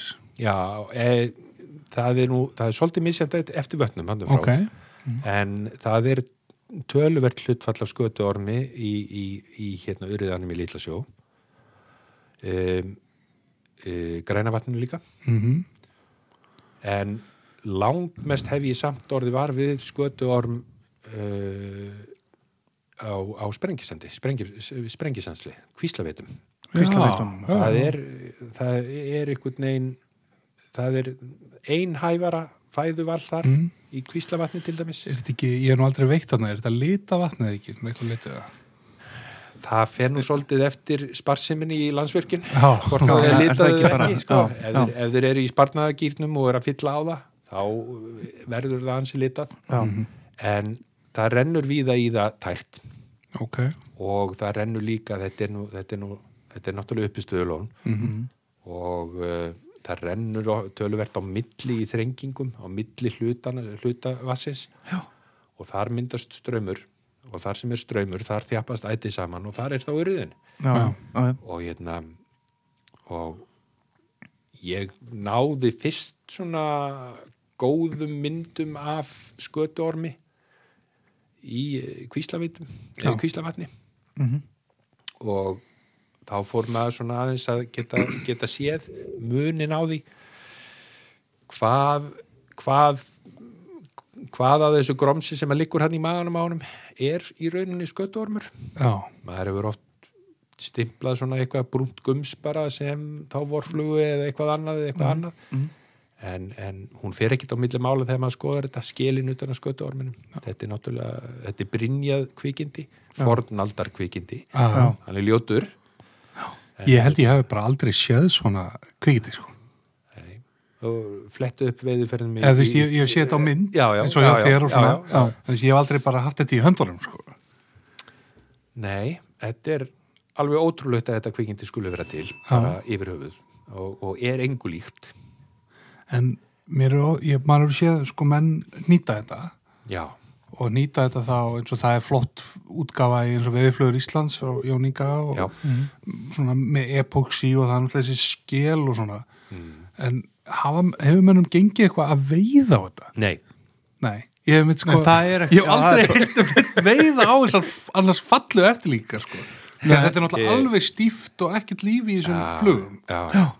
Ég hef, ég hef hérna, ég hef farið með þetta í, í veiðuvötn og ég hef farið með þetta og ég hef verið að Ég er gott dunda við þetta hérna með, með, með hérna ufaflými í öllum mögulegum litum og setja á þetta skott og allt mögulegt ég hef aldrei fengið þessu. Al- og, og, og, og prófa Já, víða og, já, og já. mikið já, já, já, já, já. þar hafið ég þið setja það bara lítinn svartan nobler á Já, bara pínulítinn meira líf í eins og marabúin og svona já, Já, já, eins og, eins og ég held að Örn hafi nú bara uh, sagt ykkur Já, það er reyfingin í marabúinu já, það egnir fiskinn já, þó að, þó, að, þó að skottið og skötu orminum reyfist ekki neitt þá já er það bara meira spennandi þegar það er uh, marabú sko þannig að Þetta er, maður er mitt eins og örd kom inn á og, og maður er séð þú veist, Þetta er eins og þú nefnir að, að hérna Ármenn sé ykkur köld, köld sko, en þú veist það er náttúrulega annað köld hann bara upp í veiðvennum og menn eru hann með bara já bara hvert jólatrið á hendur öðrum, alls konar já. rísa slumur og ekkert endilega sko fallegustu lítasansetningar sem að virka hann sko. nei, nei, nei, nei, Urriðin er ekkert að pæli í nei, nei. Nei. urriðin er ekkit sérstaklega matvandur sko Nei, og, og, og, ykkur að segja, bleikin er það ekkit heldur sko nei, það er bara þetta eru, þetta eru hérna bleikja, urriði og lax þetta eru salmónítar og þeir hérna þeir bregðast við ertingu þeir Já. bregðast við áreiti Mhm. og ég minna hafið þið eitthvað tíma að sé eitthvað dýr sem að líkist hérna bleikum nobler nei, nei. nei, nei það er reyndar nokkuð til í því en að fara með bleika nobler upp í veiðu það sem er bleikjuvon það virkar eða, Það eða virkar. dýr sem er eins og Það er bleik ekkert og víst blá að það eða- klikki það er ekki víst að það klíkið En það er náttúrulega, en svo koma náttúrulega eins og þú veist, alltaf aðstæður, eins og með laxin það er alveg búið að orðið lítið vatn eða sólin eða hann er búið að sjá mannin eða, og eins með urriðan og bleikjuna þegar fæðu frambúið er kannski gríðalegt þá Já. þarftu kannski aðeins að leggja þið fram við egna, egna fyrir hann Já, og þá, þá hefur valkostin sko að að, hérna að, að taka fram galdralöpina sem Jóns Aðalsteins með, Mm-hmm. með, með hérna einhverju ábyrjendur rauðu í rassinum Já.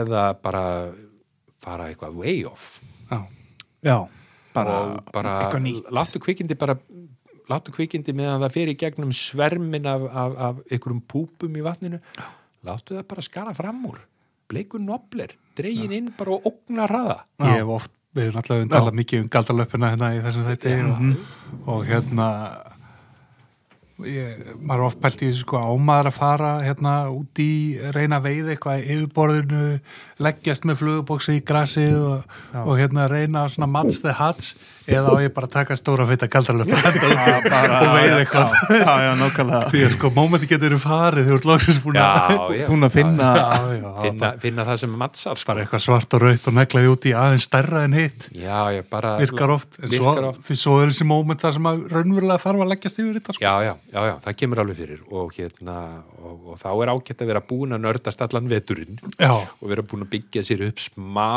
þekking á því hvað, er, á, Já. hvað gæti verið á ferðinni og svo er náttúrulega líka bara rosalega gott að vera með þetta er náttúrulega, þetta hljómar alveg svakalega illa, ég veit það, að vera með bara tilhjörnaglas já, og bara takk úr maganum takk úr maganum og, og hrista það upp og sjá bara í hverju er fiskurinn af því að það er, þetta er oft eitt allsirjar brúnt gums þegar þetta komu já, já, þetta er komið ofan í og hérna það getur alveg borgað sér sko já. já, já, já, já. og náttúrulega sérstaklega eins og í grunnum stöðuvötnum og eitthvað er kannski oft mikið í gangi en fiskurinn algjörlega kjúaður á eitthvað eitt sko. já, Já. já. Og, og, og ef maður hittir ekki á það þá getur maður bara alveg eins tekið eitt kaldan og sesta bakkan já, já, maður er alveg Já, þreytt að taka ég segi það. ekki neyfið því já, já, það var, það, það var bara erfiðast fyrir því að halda því í einum stundum. Já, ég, ég sagði einn kaldan já. Já, já, ég, ég, ég er nú fann að telja tvær dollur hérna á Nú, borðinu. já, já, komið þér. og ein flaska og, Já, já. já, Já, það er alltaf já. að koma hjá Snæ. kallum hann, er- hann er að nálgast uh, hlutlausan gýr En heyrðu, þú hérna við erum nú oft nefnt hérna að að svona flugunýtingar á Íslandi er að ganga svolítið í endurnýjum líta já, heldur betur eftir mögur ár eftir að þessar, já, hvað var maður að segja þokkalega góðu flugur byrja að streyma frá Asíu og já, já. Mhm. Afriku og svona Já, já. og Íslandingar hættu að eiga atvinnunýtara og þú veist, það var ekki hægt að nýta upp í fastegn í dag Nei, ekki, ekki hér á landi Ekki hér á en landi. eflaust hafa menn keitt fasteignir þarna út í löndum sko fyrir það sem Íslandika keiptu Ef þú er áhuga á einbílisús í Kenya þá er það, já, já, já. þá Já, er það séns bara ekki kaupa við einum ákveðnum aðila í kynni en allavega já, já, akkurat já, já. Já, ég- Nei, en já. þetta er, það, er, það, hefur, það er alveg rétt þetta hefur, mér finnst og, og mér finnst þetta búið að vera alveg ævindirlegt frá því að ég byrjaði maður var svona eiginlega uh, maður var eiginlega svolítið út undan og þetta náttúrulega bara spratt upp af nýsku ég bara tímdi satt að segja ekki ég, sko þegar ég var að byrja að veiða flugu þá tímdi ég svo rosalega mikið af flugum yfirleitt fyrir aftan mig. Já, það er aldrei mikið Klassískt. það, Já, þetta er svona og Bergi þetta, og- já og maður er að skreita alls konar steina með alls konar púpum já, og já. grúttóti en hérna, þetta var bara nýska og, og, og ég byrjaði á að nýta og mér fannst ég vera svolítið einn það var bara ég og, og ykkur skoti Dave McPhail á YouTube Já, mhm. hann bjargaði manni alveg hann er Hann náttúrulega er- ekki þetta meistari er sko. náttúrulega því líkur snillíkur hann kom hérna á, á flugveðsýninguna verið ykkur tveimur, þreimur ára mikil síðan Mhm. óskup, maður stóð þarna svona, það, þú veist Starstruck Já, algjörlega og hérna og fá að, fá að snerta mannin var bara upplifun sko, maður tróði sér ekki vik á eftir en svo uh, já finnst mér eins og það hafi verið komin núna svolítið, það var fyrir nokkrum árum síðan þá fannst mér eins og það væri komin svona einhver þörf fyrir það að, að hérna fá menn til þess að nýta sjálfur Já. og þetta náttúrulega, mér fann, kannski var þetta einhver miskilningur hjá mér, já, mér fannst þetta vera, það var svona, að þetta væri orðin einhver klubbar og lokaðir hópar og eitthvað annað og mér dætti ég akkur ekki bara fá, fá hérna menn út úr skápnum, sko. Þetta var líka alltaf, ég man að þú veist þess að, þess að flugundíka keppni lögðust algjörlega af Já, því að menn bara þú veist, ég veit ekki hvort að vildi ekki sína hvað þið voru að gera eða þorði ekki þú veist, upp á Þorði ekki- gaggrinni eða Já, eða þorði ekki verið taka þátt dæmdir eða eitthvað svona sko, þú veist, það var líka alltaf, þú veist, það var einhverju svona náttúrulega einhverju jarlar á, á háum, þú veist, háum hesti sem að þú áttir svo að leiða þína við rundir sem að mynd svo þeir gáfu góið eða go eða no go sko, þú veist, Já, sem já. er kannski svona Já. ekki alveg það sem allir þurfa en, Nei, og já, ég held að þetta, allavega ég, þetta voru þessi fánöpp sem stóðu alltaf hann upp úr Mhm. og, og, og menn hættu að taka þátt í þessum keppnum að því að þeir voru bara, ok, ég á ekki derindi í þetta. maður er alltaf meistaraflokkur eða eitthvað Já, svona já, Bara, já. wow, hérna, en við eigum bara alveg ótrúlega marga skemmtilega og flotta nýtara Mhm. sem eru ekkit, ekkit að trana sig fram. Mhm, alveg, helling sko og eh, og þá kom þetta februarflugudæmi mitt hann algjörlega geggja dæmi sko þetta, ég held að ég sem búin að senda inn eitthvað í, í hvert skipti já, já, uh, og einmitt svona kvatti menn til þess að deila og, og fá komment og svo líka bara fá hugmyndir frá því hvað aðrir er að gera og svona. já. og þetta hefur þú gert eh, með tölveru umstangi uh, og hef, það kostar ekkit að vera með það, þú veist, það kostar ekkit að vera það með þarf ekkit að skrá sig sérstaklega eða nei, neitt sko nei, þetta er bara þetta er, þetta er, þetta er hópur og, í, eins og þetta er orðið í dag þetta byrjaði náttúrulega hérna hvað 2014-15 bara sem svona smá viðburður á vegum flós á Facebook Já.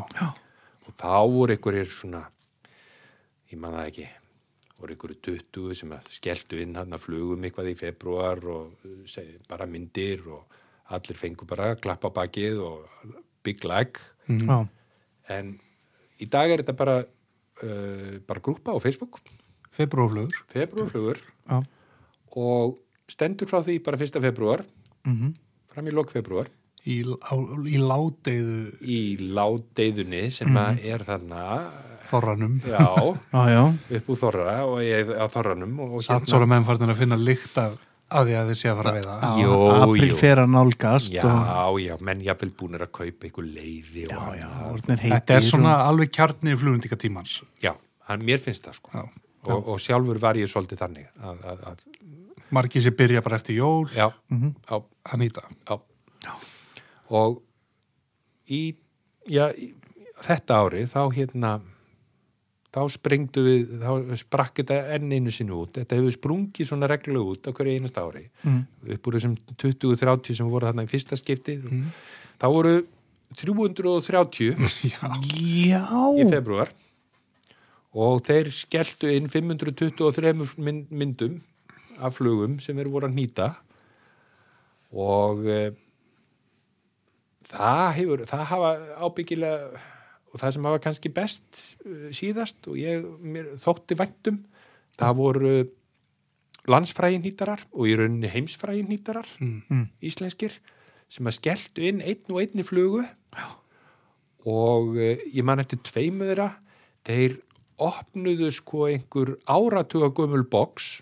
með sínum fyrstu flugum já, já tóku myndir og voru alls óhrættir að skella inn byrjendamistökunum sínum já. wow, það er geggjað bara róm er ekki byggð á einu degi sko. Róm nákvæmlega er ekki byggð á einum degi og hvað þá brend já,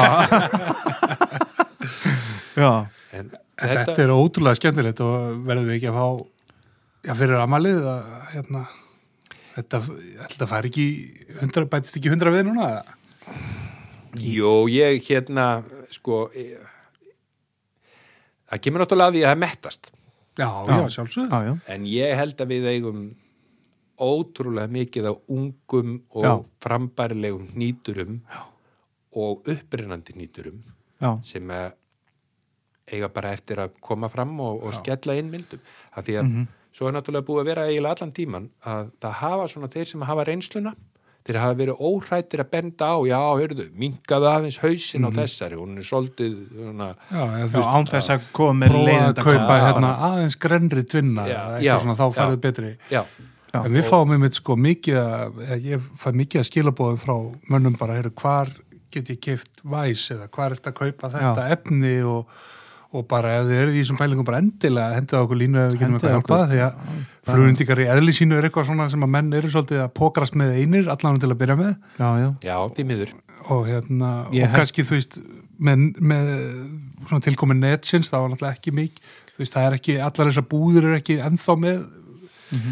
flug, svona stóra flugundingadeildir sko þó að það sé einhver leita að koma aftur Það Já, er, já, það er náttúrulega ekki bara? Mm. Jú, jú, þetta er komið aftur og, og, og hérna, það var búið að, að bóða það var búið að bóða ótímanbyrt andlátt flugnýtingaefnis hérna fyrir nokkrum árum Já, já. sko í, held í öllum búðunum já, já, en við erum í það minnsta með tvær, þrjár búðir sem eru að bjóða bara gott úrval af flugnýtingarefni og um, já. ég held alltaf tryggð við búðina sem eru hérna heima Já. Eh, einfallega vegna þess að ef mér dettur í hug á föstaskvöldi að nýta flugu og á ekki efni í hana Ah. Já, já. þá þýðir ekkert fyrir mig að fara á netið og panta hana fyrir lítið Ah. frá Kína Nei, nei. að því að áhugi minn verður búinn um Já, já. þann hátegi á lögadag Já, akkurat sko. Já, en ég já, get þá alltaf skroppið á lögadagsmorgun í þessa búðir Já. og keift það sem ég vantar maður klálega veslar já, ég vesla bæði bara við þessa búðir og svo náttúrulega á netinu, sérstaklega ef maður er að nýta mjög mikið á munar kannski um, hefur þetta jú, jú, kaupa jú, jú. Það er 3000 dögla Já, já, þegar mennum er náttúrulega komnir sko vel yfir þúsundin sko, þá, Já, þá, já. þá, en svo er líka bara hægt að gera góðan díl bara við, við heilsala hérna heima já, og ef þú ert að nýta tíðust flugur, bara við andar króka í tíðust flugur, hvað fæ ég þá? Já, já, nákvæmlega sko. Það er já, alveg- já, það er alveg maður er eitt í eins og Árvík eða sem verður með Kamasan og Mm, Já, já, já, já, Árvík, veiðiflugur, í dag. ég mitt veðiflugur í dag Já, hérna. já, en þetta er og þú hefur náttúrulega staðið líka fyrir því að þú hefur verið með bara velunaftíku þarna sem Já. að var í byrjun einhver dómnend en er í dag bara hvað voru hafadrætti eða ekki Já, bara svona þetta var, ég- þetta, þetta datt inn aðeins að á tímabili að búa til einhverja keppni úr þessu Mhm. og þá varð ég svolítið hrættur einmitt um þetta sem hún nefndir í náðan sko. að, að þeir óreindu myndi bara draga sig í hlje Já. mhm. og uh, þannig að ég fór bara einfallega í þálið og hef notið alveg ótrúlega flott stuðnings aðila hérna heima Þetta er ótrúlega veglegir og flotti vinningar Já, já, við erum bara, við erum að tala um að þetta er bara eitt sníkjubref hjá mér, sko, og, og, og, og hérna, það hoppa alltaf allir á vagnin, sko. Þetta er líka svolítið menn sakna, þú veist, þetta er svo stór hluti að svona nördamenningu í kringum veiði Já, og ég held að allir sem eru í þessum bransa eru náttúrulega í eðli sínu nördar sko, já, þannig að þeir elska að sé eitthvað, eitthvað í kringum einhver þetta að sko gera, Já. gera eitthvað sko. gera eitthvað, lí- hafa eitthvað líf í þessu, Já. hafa eitthvað líf í þessu. Og hérna, já, ég- í dag er eh, síðustu árin, síðustu tvö, þrjú árin hef ég nú bara verið með það þannig að ég bara skrifa miðan, á miða, sko, nöfnin á þeim sem er sendin flugur og Já. svo er þetta bara sett í eitt pott og dreyð út. Já, algjörlega frábært, þannig að við hvetjum bara nýtara á öllum reyndslustöfum, bæði gaman að fá frá þeim sem eru algjörlega búin að mastera þetta og, og svo þeim sem eru bara að stiga sín fyrstu alveg fyrstu skref Já, já. Mm. Já, og bendur náttúrulega líka á bara eins og flugnýtingahópin á, á Facebook þar sem Já. er, Já. sem er sem betur fyrir að lifna mikið við Hann er að lefna við. já, Guðsjó. já, já, já. en já, hérna þú hérna varst með, með ritað hjá þér hérna mér lókaði að s- spyrja það út í sko, nú byrjaði þetta fós sem eh, utanumhald utanum þína veði Já. þannig að þú lítur að eiga tölfræði Já, hvað þú veist, hvað ertu búin að veiða þú veist, hver, þú veist, ertu að verða betri veiðumæður Kristján eða stendur í já, stað eða, nei, nei, nei, nei, nei. eða veiður bara alltaf sama og fleiri stundir á bakkanum og þú veist, hva, Eða, já. hver, Sko- hver er niðurstaðan hvað segja, hvað segja Hva- tölur Hvað segja tölurnar? Tölurnar ljúa ekki, Kristján. Nei, en það er alltaf skýring á tölunum Nó, já, já, já. það er alltaf Sko, bara að minna já. fiskir úr Það er það minna hann er fisk- vinstra með ég, Nei, nei, þetta er hérna Já, uh, þeim hefur farið fækkandi á síðustu árum Fiskunum ok, Kanski vegna þess að ég hef verið að eyða tíma í annað og meira heldur Mhm. en heldur en akkurat að vera með flugun úti Já, Síðasta sumar var náttúrulega sögulega eh, bara gott sumar hjá mér í veiði já, en það voru ekkit endilega margir fiskar næ en það voru rosalega margir dagar og það helgast af starfi sem að hérna, sem að eitt góður ármaður komið hugmynd að Mm. Eh, við erum að glíma nefnilega við það að fá menn til þess að hætta að sleppa fiskum þetta er bara sko, já, Já, þeir eru að díla Já. við offjölgun í við vötnum. erum að já. díla við offjölgun í bleikjuvötnunum upp á Hálendi Mm. Já. þannig að, að veið og sleppa er bannað það er bara bannað og vissulega á það við á mörgum Já, stöðum já. jú, jú, jú, að jú. bara Og við erum að tala um hann að fiskur er að verða kynþróska bara elspýtstokka stærð og Já, já. vannærður. Já, og- já, já. við, erum að, við erum að sjá því miður erum við bara að sjá vötn upp á hálendi sem eru bara mjög illa, illa offsetin og, og fiskurinn orðin grindtóraður og ógistlegur já, já. og eh, að vera að veiða 12-16 cm bleikju sem er sko já, og Ekki kannski- um að hausinn. já, Já, já. eða þá það sem er eiginlega verra hún er bara, lítur út bara alveg eins og fullkomin 5 ára bleikja Já. og er orðin kynþur sko, er búin að hrygna Já. 16 cm löng Já, já. Og þá vex hún ekki mikið meira en það. sko. hún vex bara ekkert meir en það Nei, nei. hún bara fær sína eina mýflugu á sumri getur hana Og bara- Breytið í eitt hrogn og, Beitir- og hrygnið í. Já, já, Já, ef það væri nú svo að því að, að, því að hérna, bleikjur skrattin enn og þannig að, að þegar það kreppir að í fæðu Já. þá hrygnir hún alltaf meira og meira Já, já.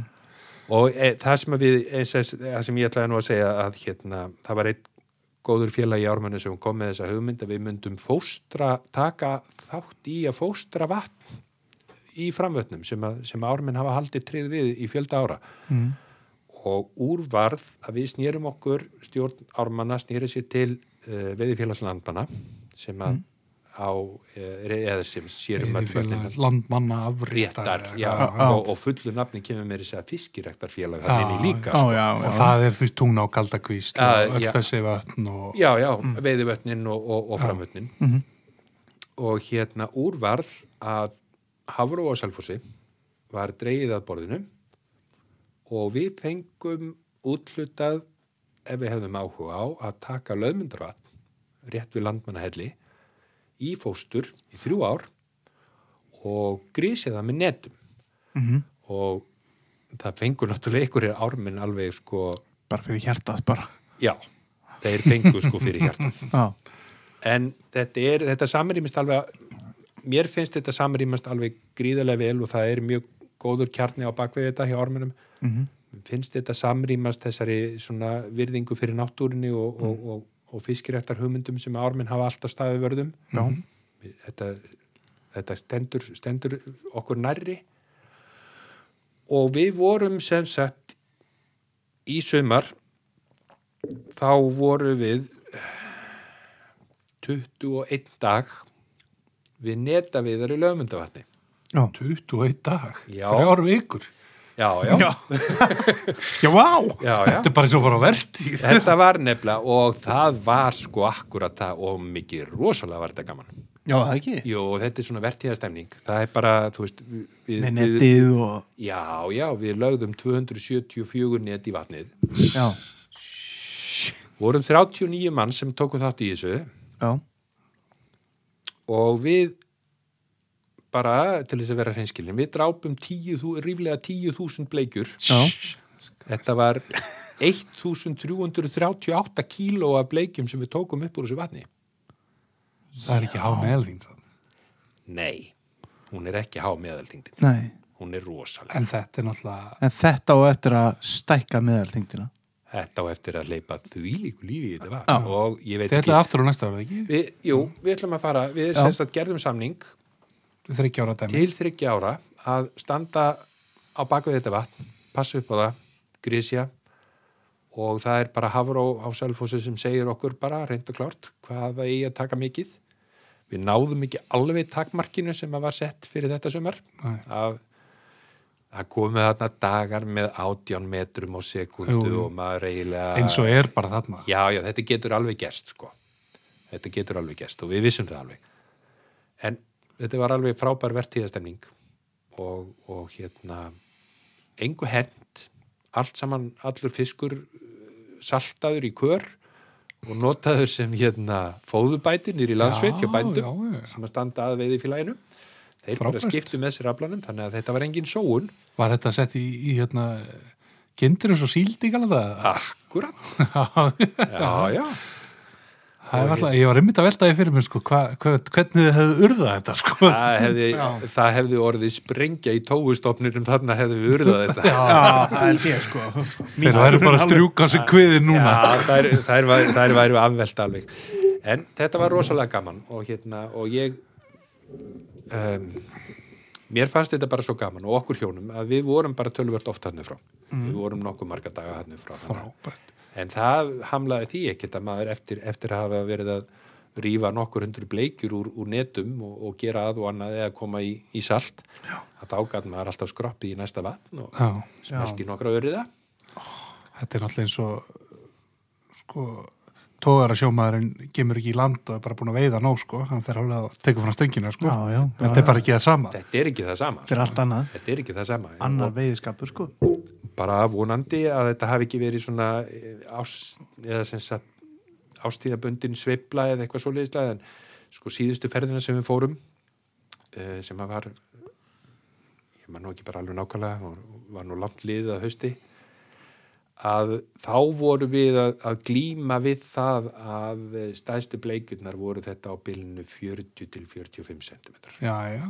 Ó, það er nú og, og það voru það, og, og okkur fannst meðalviktin vera að fara upp á við að við værum að ná tökum á því að, að ná smá fiskinum úr Mm. Mhm. svo er það bara, þetta var allt vandlega skráð þegar Mm-hmm. það fært mikið bókald hringin í kringum þetta, möskvastærð og, og hvar við lögðum í vatnið Mm-hmm. Er það að leggja víða í já, vatnið já, þá til já, þess já, að við erum að við, alveg skipulagt já, já, við reytuðum vatnið niður bara á korti Já, númeruðum hvern einasta reyt og svo bara var skráð nákvæmlega að þetta net var lagt í þennan reyt já, klukkan þetta tekið upp 12 tímum síðar og þetta var fiskurinn sem kom úr því þetta fór allt til Hafró og nú sitja þeir á bygglegasveitir já, og reyna að finna einhvern, make einhvern sens úr þessu já. og, og við fáum svo að vita hvernig við eigum að hafa okkur næsta sumar er einhver svona, er einhver faktor í þessu, þessum gögnum sem að er ætlað til þess að bara reyna að reikna út hvað er mikið að bleikju í þessu vatni? eða? Hvað þetta eru margir munnar? það eru til ákveðna reikniformúlu fyrir þessu Já, og það hafa verið gerðar semst Hafró hefur, þetta var ekki bara svona puttun upp í loft sko e, þeir voru búinir að gera rannsóknir á og hafa verið að fylgjast með vötnunum þarna sunnan túnár, alveg eins og veiðuvötnum sjálfum Mhm. undanferðin ár og hafa gert tilruna við þar þá leggja þeir ákveðin net í ákveðið langan tíma á, á, fyrirfram ákveðina staði alltaf á sama tíma árs já, já. og, og það, svo reiknaður út frá þessu og uh, reikniformúlan þeirra sagði að það þyrfti að grísja löðmyndavatt sem er nú ekkit rosalega stort þetta er viðráðanlegt vatn fyrir svona lítið félag eins og okkur Er þetta á stærfið vývildavatn eða er þetta miklu stærra eða hvað, svona ef við berum þetta við eitthvað sem, það er alltaf að sé ekki svona eh, næstum tvisessinum stærra en, en vífilstæð já, já. það er nú ekki, þetta er nú ekki þetta er nú alveg viðráðanlegt sko. já, já, þetta er ekkert. en, en já við, á, okkur, okkur var uppálagt að ná 1730 kílóum upp úr, fisk, upp úr vatninu á einu sumri Ok, við náðum ekki nema já, 1330 já, já, en þó það, en þó það og hérna og við skulum sjá til hvað þeir segja okkur hvað við um að ná næsta sumar því þurfum alltaf að ná þessu yfir hennan hjall svona, þannig að fiskurinn sé sko ekki í hámarks fjölda heldur að stofnin sé alltaf stækkandi og já, já. og svo finna hennan punta sem Já, að, já, já, já. Svo fylgir þessu náttúrulega að þetta er ekki bara svona uh, þrískiptisaðgerð eins og, eins og, eins og ykkur hafðu áhyggjur af. Það fylgir þessu að það þarf að- að setja upp nýtingar áallun fyrir vatnið. Og það er eiginlega það sem að hefur orðið til þess að mörg af þessum vötnum hafa hérna dalað, stofnaðin hafa eh, skemmst í rauninni, Mhm. að bændur eru hættir að nýta vötn í netaviði já, Mhm, mhm. og það þarf að setja þá nýtingar áallur á þetta vatn í það minnsta þannig að það sé hægt að halda í horfinu en sko þetta er, þetta er alltaf greiðlega spennandi að fylgjast með þessu verkefni og hérna Mhm. vonandi að þetta gangi vel því að maður hugsa sér bara að út um allt land eru svona vötn Já. sem væri þá þetta að gera spennandi, Spennandi- veiðmöguleika úr ég held, að, ég held að þau séu alveg ótrúlega mörg vötnin sem að væri hægt að koma til já, og að því að sérstaklega vötn sem hafa eldri, við vitum hvernig þetta er sko, þegar það er hérna hækkað yfirborði í ykkur lóni eða eitthvað svoleiðislega Já, Mhm. og verður svona landróf, það eikst lífmassin það verður algjört skot í bleikinu hún verður stór og mikil sko 2-3 ár og svo bara fer hún lóðbind niður á því eins og er núna í hvað spóraldilóni og, já, og eins og var í Þórisvatn á sín tíma til dæmis með reyðan líka já, Já. já, já, já, já, já. og ég minna við það er náttúrulega stæðst á best kannaða dæmið af þessu er, er blöndulón já. þegar, að- Já, það að, var þegar það alltaf reist rosalegt já, það varð alveg sko tvílík sprengja já, bleikjurnar urðu hérna bara sko á við skriðdreika og menn þurftu bara stórvirka vinnuvilar að veiða þær já. en svo bara fór þetta niður í það bara stofnin bara fjölgaði sér og mikið ætið bara já, ætið hvarf Það var Kláraðist. bara, kláraðist bara já, þannig að það er áttu sig út á kattin Já, já. Mhm. Bleikja er alltaf einstaklega duglega í þessu hún er náttúrulega, hún er einstaklega dugleg sko, hún er svolítið svona, já, en urriðin alltaf gerir þetta eitthvað liti líka eins og við sjáum í Þórisvatni og, já, já en það er svona fer í ykkur að kannski elleri ringi, þeir geta sig á okkur topp og, já, og svo verður offjölgun og svo verður algjör trun já því að alltaf urriðin er stærri rogn og svona þarf að fá Já. meira fæði til þess þetta að Mhm. er, þetta er, þetta er, það er alltaf í þessi hegðun sko, svo náttúrulega sko við mögum ekki gleyma því að, að, að, að þessi lón sem eru upp á sunnaverðu hálendinu, virkjunalónin Mhm. það var sleft í megnið af þessum vötnum eins og, eins og, eins og í Þórisvatn var sleft úr, úr veið, af veiðivatnastofni Mhm. urriða og eh, en eh, málið er bara ef hann er látin svolítið í friði þá hagar hann sér samt sem áður allt öðruvísi heldur en bleikivatt sem er látið í friði bleikjan heldur bara áfram hún, hún bara, getur líka Mhm. ringt hvar sem er það er bara ef það er þokkalega blöytt sko þá bara þá rignir um. menn urriðin kannski er með eitthvað takmarkanir í sínum ristuðum já já, hann, þar, þær, þær þurfa urðarhróknin þurfa meira súrefni og, og helst rennandi vatn já, akkurat. Heyrðu, þetta er hérna Þetta er gríðarlega spennandi. sko. þetta er bara mjög spennandi og hérna bara ótrúlega gaman að, að hérna að svona rótgráðum félagskapur eins og ármenn sem að maður, var, kannski einhverjir voru farnir að slá sem eitthvað gamla kallaklúb og hérna sig, sig, væri bara siglað að feiða rósi sé að taka svona kannski hvað maður að segja, stór skref bara inn stórt skref, sko. í framtíðina já, ég, ég hérna, ég ætla að vona að, að hérna, að okkur hafi tekist það að, að hleypa lífi eða svona gera ármenn örlítið meira sexy fyrir yngri við Já, já, akkurat. ég ætla ekki að segja þetta sé orðið eitthvað júporn en, en, hérna, en þetta er allavega trátporn Já, Já, þetta er tráttból. algjörlega. Já, já, Hérna. heldur betur. bara ótrúlega, ótrúlega spennandi Já. og ætlar að segja okkur hvað þú ert búin að veiða mikið síðan þú opnaði fós eða hvað, hvað, hvað segja Ertu- tölum þar hvað segja tölurnar? Ertu með þetta reyðum höndum með það? Nei, ég er ekki með þetta á reyðu höndum og hérna þetta á þessum tíu árum er þetta einhvers staðar um, bilinu 1000 til 1500 Já, en ég tengi mitt það, við það sem þú segir sko eins og með að hérna að maður, þú veist, því, því lengra sem maður gengur í hobbyinu því er ekki alltaf að maður vilja veið, veiða fleiri fiska sko Nei, nei. Nei. ég finn eins og mér það náðu ykkur hámarki fyrir ekkit svo mörgum ánum síðan og svo fer þetta að verða meira sko að veiða eitthvað fisk eins og þú vilt veiðan eða Já, líka að kunna meta stundirnar á bakkanum og allt það sko Já, það hefur reyndar alveg verið alveg frá byrjun sko Já. að hérna ég hef verið að veiða bæði með stöng og vél já, þú, ég, það mynda mikið Ég mynda rosalega Já. mikið, ég reyna að mynda rosalega mikið af því að maður verður að hafa út af þessari síðu, þá verður maður eiginlega að hafa stundum einhverja myndir sem að Já. Mhm. laða að, ekki laða þetta bull í manni endalaust að en hérna jújú, jú, og ég nýti tíman á ég nýti tíman á, á bakkanum í, í bara liggja og glápa sko, það er eiginlega ekki til betri staðir á Íslandi heldur en hálendið bara, nei, nei. bara liggja og glápa sko Það er mikið til í því, sko. en hérna svona áður en við förum að nýtta saman uh, næsta sumar það eru margir sem reyna að prófa eitthvað nýtt á hverju sumri, ætlar þú að ætlar að halda þig bara á sömu slóðum eða, eitthvað, eða er eitthvað svona sem að er búið að grípa þig og, og þú ætlar að prófa sko, eh, það, það er ábyggilega sko tugir ára síðan ég hætti að, að hérna strengja heit á, á, á, á gamlaskvöld fyrir nýtt ár Já, um, ég prófa alltaf eða sem sagt yfir veturinn þá bý ég alltaf til lista yfir allt sem ég ætla að gera næsta sumar já, Svo svona yfirleitt í ágúst september þá týni ég þessum lista Af því að Mér tekst yfirleitt aldrei að kvitta út af honum en auðvitað langar mig eitthvað Já. Mér langar til þess að, að mér langar til þess að komast Það er orðið soldið um liðið síðan ég fór upp á Arnafaseiðina Mér langar á Arnafaseiðina aftur það, er- þetta er eitthvað, það er bara laðar Já. að vera þarna upp frá og, og hérna Mhm. Jú. berja frá sér flugu og svona þetta bara laðar Já, já.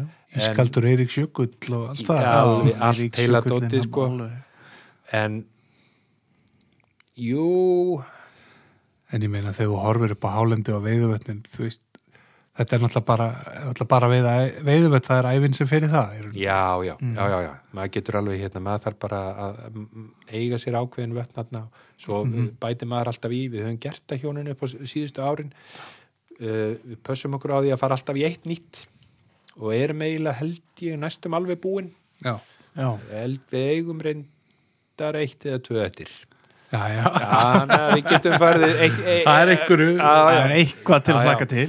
En svo er, það, eru, það eru fleiri staðir. Ég er alltaf að verða hrifnar og hrifnari sko af, af hérna af, af vötnunum minn og sprengisandi já, Mhm. og þar er hægt að týna sér tindavatni og, jú, jú, meðal annars og, og það, eru, þau, það er fullt af fullt af skemmtilegum vötnum Guði sér lof er nóga vötnum sem að má veiða fisk í Já, og enginn er í og, og enginn enginn er kemur í nálægt, sko. og, og enginn er farin að sprengja upp prísin á Nei. maður getur ennþá kert heimabæjum og, og, og fengi leifi já, fyrir lítið eða ekki neitt akkurat. og jafnvel bara eina sem að maður fær í veganesti er bara glottið já, reyndu það bara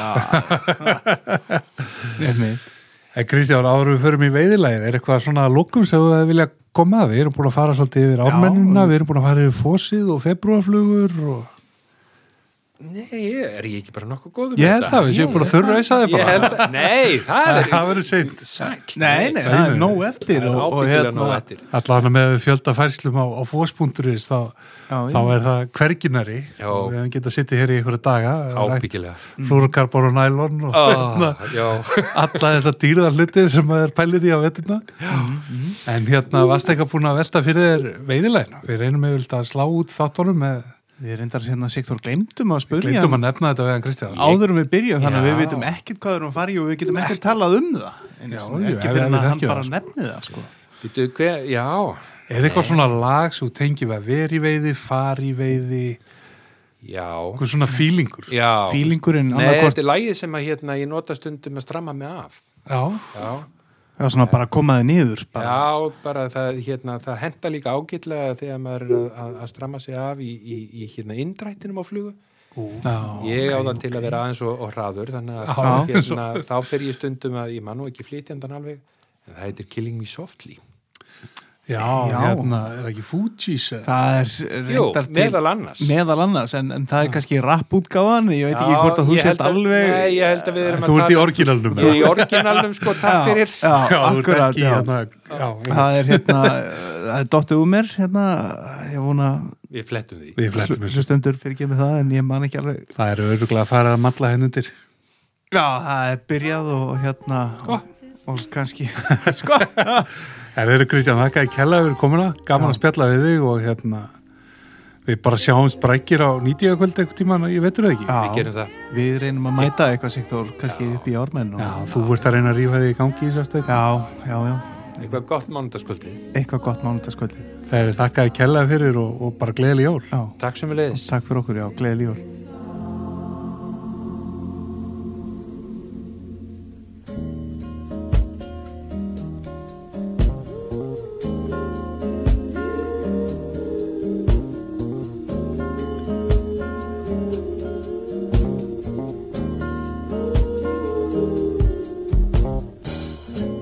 I heard he sang a good song. I heard he had a style. And so I came to see him to listen for a while.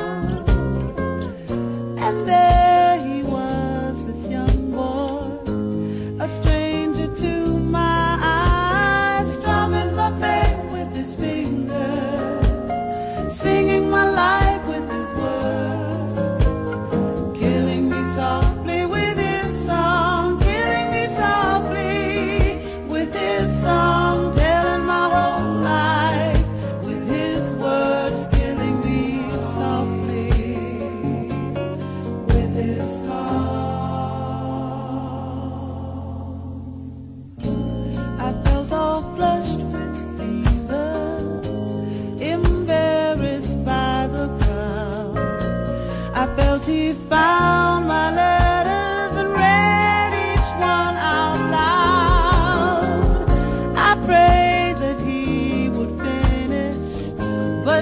just kept right on. Oh.